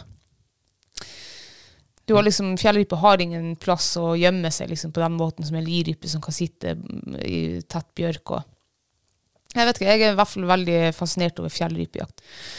Liker det. Da sender vi det som eh, dagens rype, vinterrypejakttips over til eh, Tuo Elise. Ja. Kan vi ikke gjøre det? Ja. Ehm, vi går videre, og vi går til ehm, Ja, hva er det hun heter? JSA1-navn. Det var litt vanskelig Instagram-navn. Men eh, uansett, lu- hun lurer på hva som gir oss mest adrenalinkick av å jakte på, og hvorfor. Å, Ja, ja. det er et eh, interessant spørsmål. Jeg, jeg, jeg innbiller meg jo at hun mener jakte som i jakte på et vilt, eller et eller annet sånt. Ja. Ikke jakte på ørret, Nei. eller røye. Nei. Men vi sier jakting som Jakting, ja. Ja. ja. Eh, ho, ja, hva er det? Jeg, altså, jeg, jeg, jeg, jeg har lyst til å si at det er sjelden jeg har hatt så puls eh, som den gangen jeg satt i jervebua di, og jerven var på åta, og jeg hadde han på kornet. Altså, hjertet mitt, det holdt på å hoppe ut av brøstet. ja. Jeg, jeg, jeg var så, altså, det var en helt sinnssyk opplevelse. Eh, sikkert fordi at jeg fikk så god tid til liksom, å sitte der og tenke og føle og se og liksom alt, alt som kunne gå galt. Eh, hva, den var jo lenge der. Ja, ja.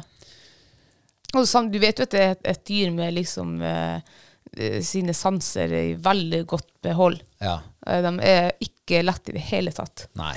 Hadde det vært lett, så hadde staten sluppet å betalt masse herrens med penger for å ta det ut jerv hvert år. Ja, ikke sant? Så, um, men rovvilt generelt, for min del, da. Jeg tenker at det er rovvilt.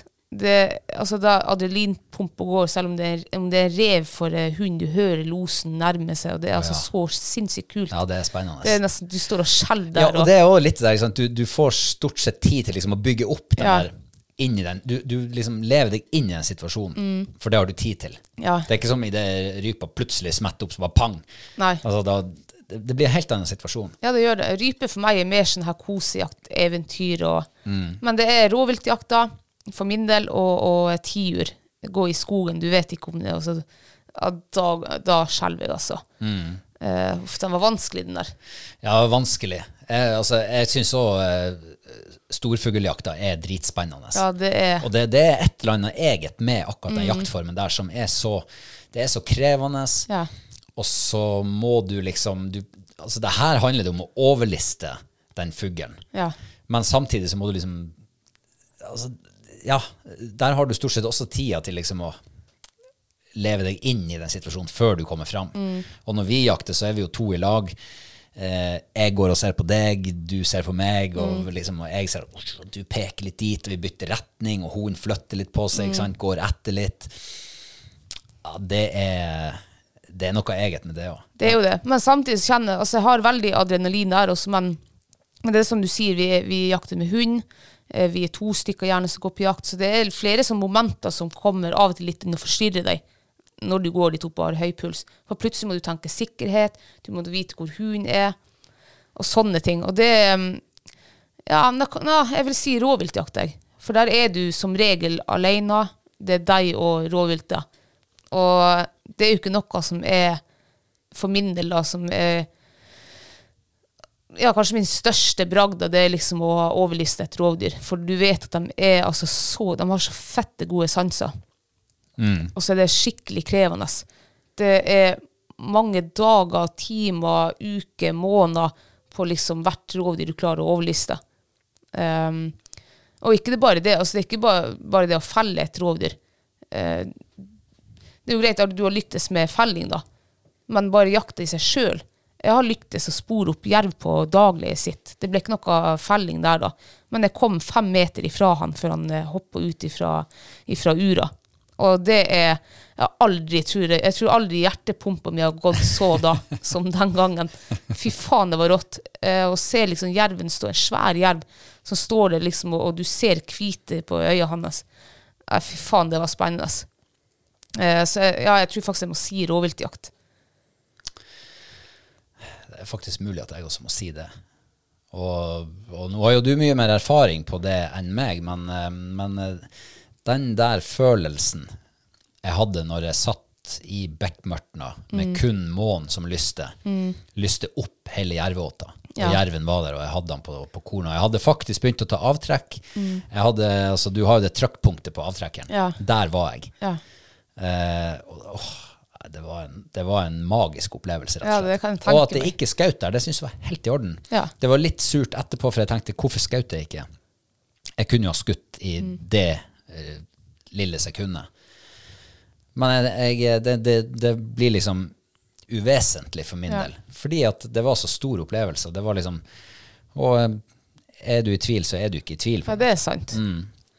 så eh, nei, det var det, Jeg tror nok også jeg må si det. Det, det tror jeg. Yes. Em, et eh, spørsmål fra Q. Kenne. Q. Ja. Kenne. Kukene. Kukene. Nei, ku- Kukene. Nei, jeg må ikke rote meg med det der navnet. Q. Kenne. Eh, altså, hvordan får man en super fuglehund? Altså, hvordan behandler, trener dere hundene? ja. Ja. Eh, Det har vi jo eh, faktisk eh, Vi har jo laga bonusepisode om det der. Ja, det har vi jo gjort. Ja. Ja. Da snakker vi vel, gjør vi ikke det fra valpestadiet og ung hund? Og, Fra kvalp til jakthund. jeg har også skrevet blogg eh, eh, om, eh, om det. Ja. Eh, fight. Stemmer det. Det er vel tre, tre episoder, eller tre serier, som jeg har laga. Ja. Er, er det skrevet i liksom eh, opplæringsøyemed, eller er det historien du forteller? Det er kanskje litt av begge deler, og kanskje Ja, ok. litt mest historie, da. Men det er liksom min erfaring med å fighte. Ja.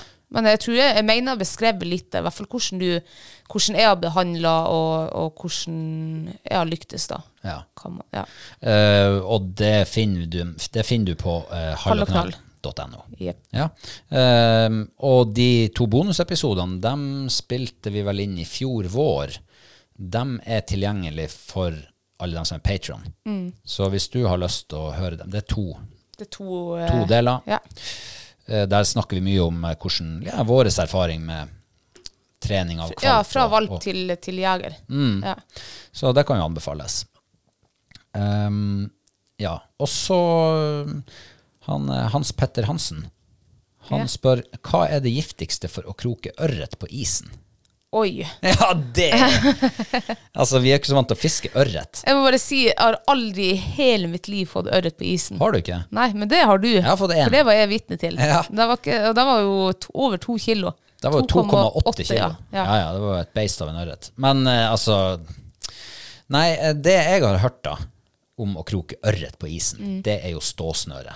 Ja. Det er det som skal til. For ørreten er litt treg om vinteren Ja. Mm. når det er kaldt. i vannet. Ehm, og det Så da trenger du ikke å sitte og pilke. Da er det bare å så slippe ned greiene, egne med et eller annet, slippe ned og knyte fast en eller annen plass. Og så hørte jeg før fra, fra gamlingene når de eh, isfiska i elva. Det var viktig å dekke holdet når du skulle ha ørret. Å ja. Du slapp ned ståsnøret med, med brunmakk. Det var sånn de gjorde det da. De Altså hadde ikke- de hadde- meitemark? Ja, meitemark. Ja. De hadde Ja. ingen blink eller noe. De hadde kun meitemark. Å ja. Og så dekket de holdet med snø eller eh, la en vedbitte over et eller annet. Det skulle i hvert fall være mørkt. Å ja. Det skulle ikke være noe lys. Akkurat. Om det funker, det, det, det is- Ifølge dem så fikk de noe mat på bordet, i hvert fall. Men, men jeg har aldri fått ørret. Jeg har fiska ørret eh, noen ganger, men eh, aldri fått. Ikke sett. Nei, altså, det, altså jeg gjorde jo Da jeg fikk den ørreten, Ja. så fiska jo jeg eh, altså hardt. ja, du fisker jo aktivt, da. Veldig Ja. aktivt. Og harde, store røkk. Mm. Om det bare var en eh, håpløs fisk som ikke visste at det her skal være ståsnøre, det vet ikke jeg. Så, Men se, de, de lykkes jo veldig i Sverige. sier De, de fisker jo masse ørret på isen. Mm. Og i, eh, i Sør-Norge, heller ikke i Sør-Norge, men lenger sør i landet, da. Eh, Mm. ja, for røye er jo liksom litt sånn arktisk fisk. Det er jo ikke alle som, er, som har røyevann tilgjengelig. Mm. Nei, Men ørretvann er det vel overalt. Det er jo det, gjerne. Så, men eh, Nei, Hans Petter, det var jo selvfølgelig Du spør feil folk. Ja, Hadde sorry du, at vi spurt, kunne hadde du komme- spurt om det samme på sommeren, så skulle du ha fått litt bedre råd, men, eh, Ja. men eh, der eh, vi, altså, vår utilstrekkelighet, den havna dit. Ja, Ja, det er ikke alt vi kan, nei. dessverre. Jeg har prøvd flere hver vinter, så vi har et ørretvann liksom i, i nærheten som Vi har aldri fått fisk der. Nei. Så jeg vet ikke. Den vanskelige ørreten. Ja. Ja. Kan ikke du bare begynne å fiske røye? Det er mye kulere. De er mye sterkere òg. ja.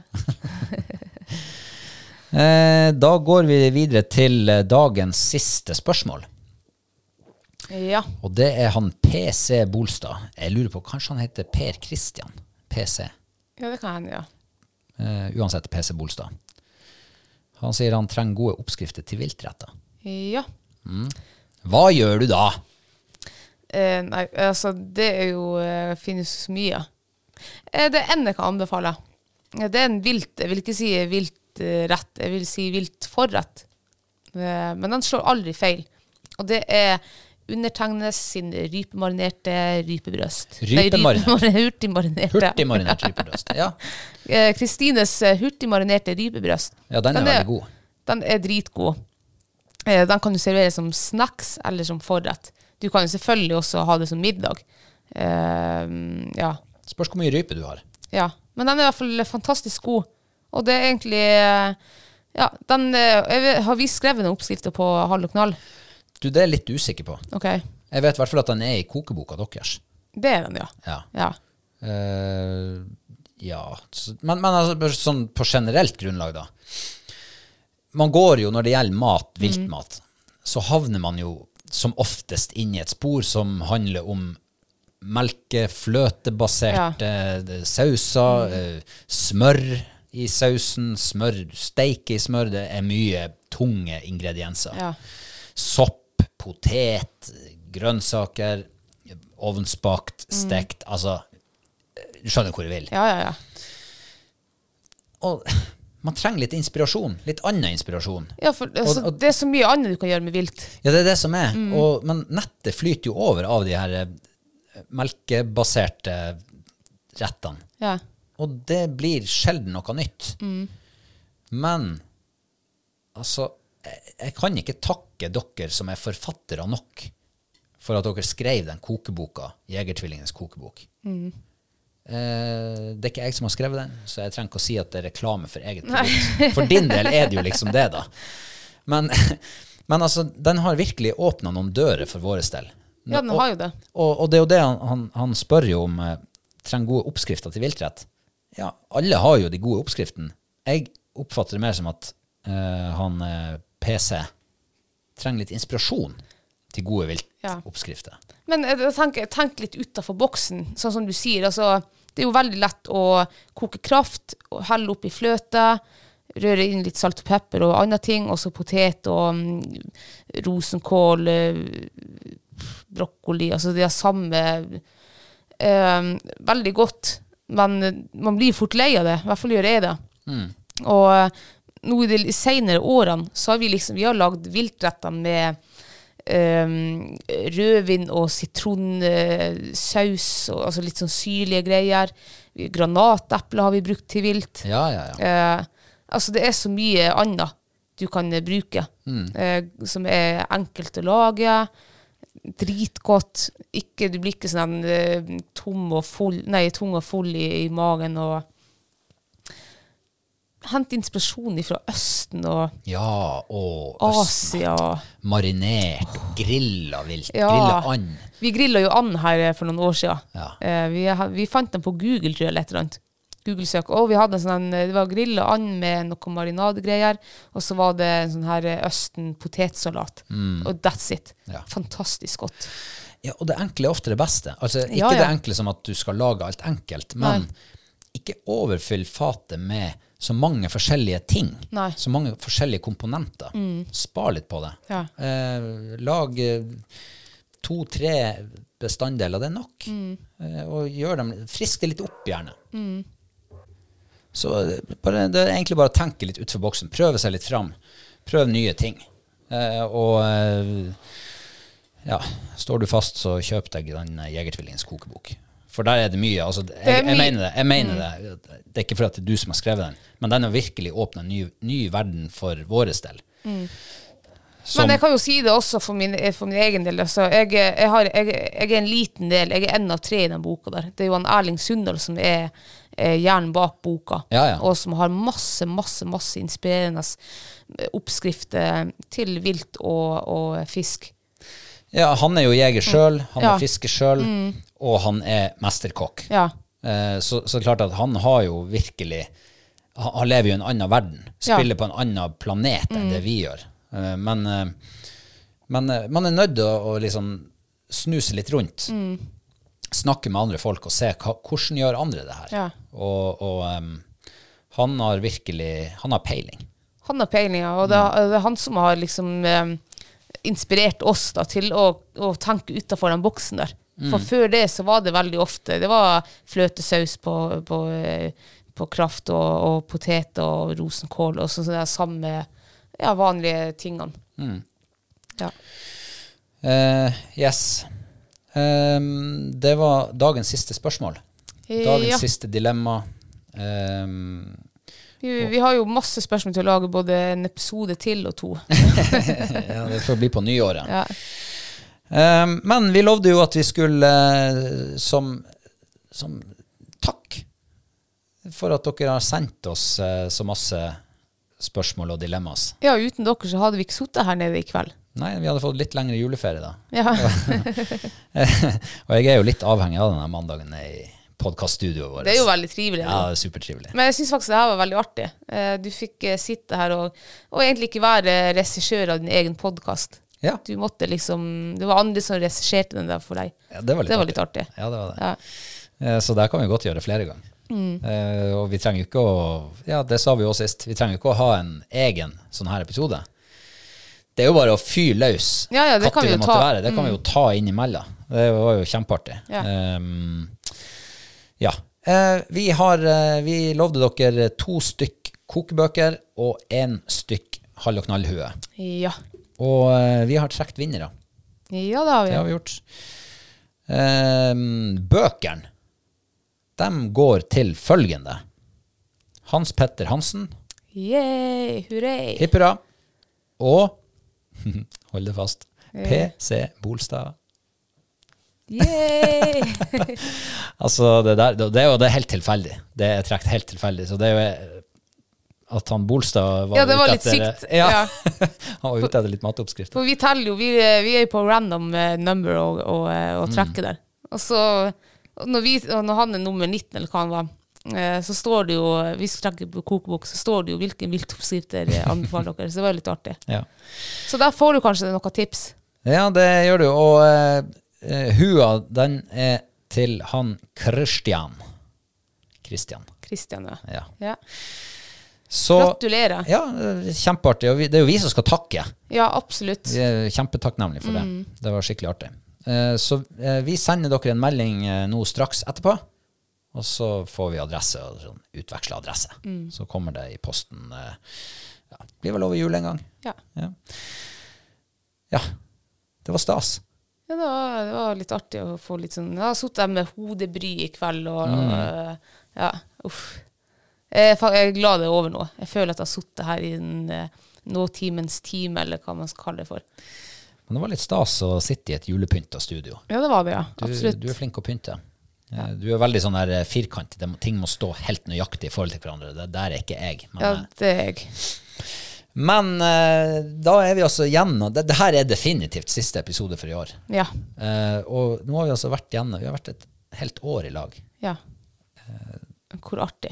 Ja, det er artig. Det trodde jeg faktisk, når vi begynte her i fjor i, i november, så jeg trodde ikke vi skulle sitte i et år og lage podkast. Én i uka, liksom. Det hadde jeg aldri trodd. Nei. Så det er utrolig artig. Mm. Du var litt eh, Vi snakka om det her i sted. Du var litt sånn her eh, eh, Han som hadde dilemmaet med Nei, ikke dilemma. Han spurte hva vi gjorde når det været var dritt og moralen var jævlig dårlig. Ja. Så du- du hadde ikke så god moral for litt over et år siden.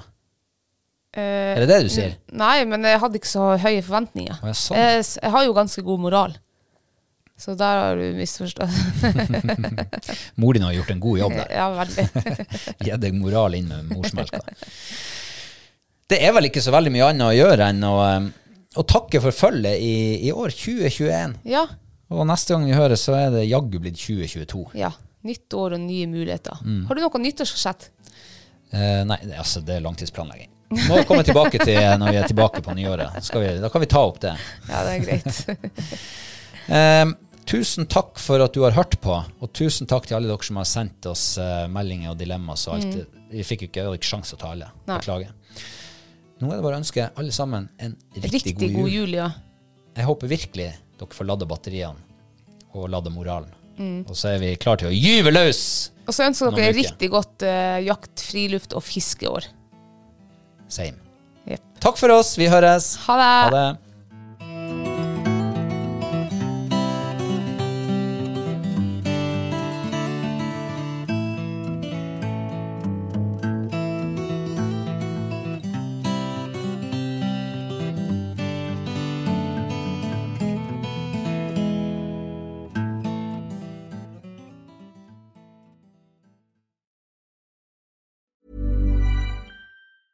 Even when we're on a budget, we still deserve nice things.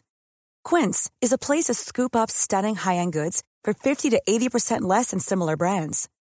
They have buttery soft cashmere sweaters starting at $50, luxurious Italian leather bags, and so much more. Plus, Quince only works with factories that use safe, ethical, and responsible manufacturing. Get the high-end goods you'll love without the high price tag with Quince. Go to quince.com/style slash style for free shipping and 365-day returns. Ever catch yourself eating the same flavorless dinner three days in a row? Dreaming of something better? Well, HelloFresh is your guilt free dream come true, baby. It's me, Gigi Palmer. Let's wake up those taste buds with hot, juicy pecan crusted chicken or garlic butter shrimp scampi. Mm. Hello Fresh. Stop dreaming of all the delicious possibilities and dig in at HelloFresh.com. Let's get this dinner party started. Hi, I'm Daniel, founder of Pretty Litter. Cats and cat owners deserve better than any old fashioned litter. That's why I teamed up with scientists and veterinarians to create Pretty Litter. Its innovative crystal formula has superior odor control and weighs up to 80% less than clay litter. Pretty Litter even monitors health by changing colors to help detect early signs of potential illness. It's the world's smartest kitty litter. Go to prettylitter.com and use code ACAST for 20% off your first order and a free cat toy. Terms and conditions apply. See site for details.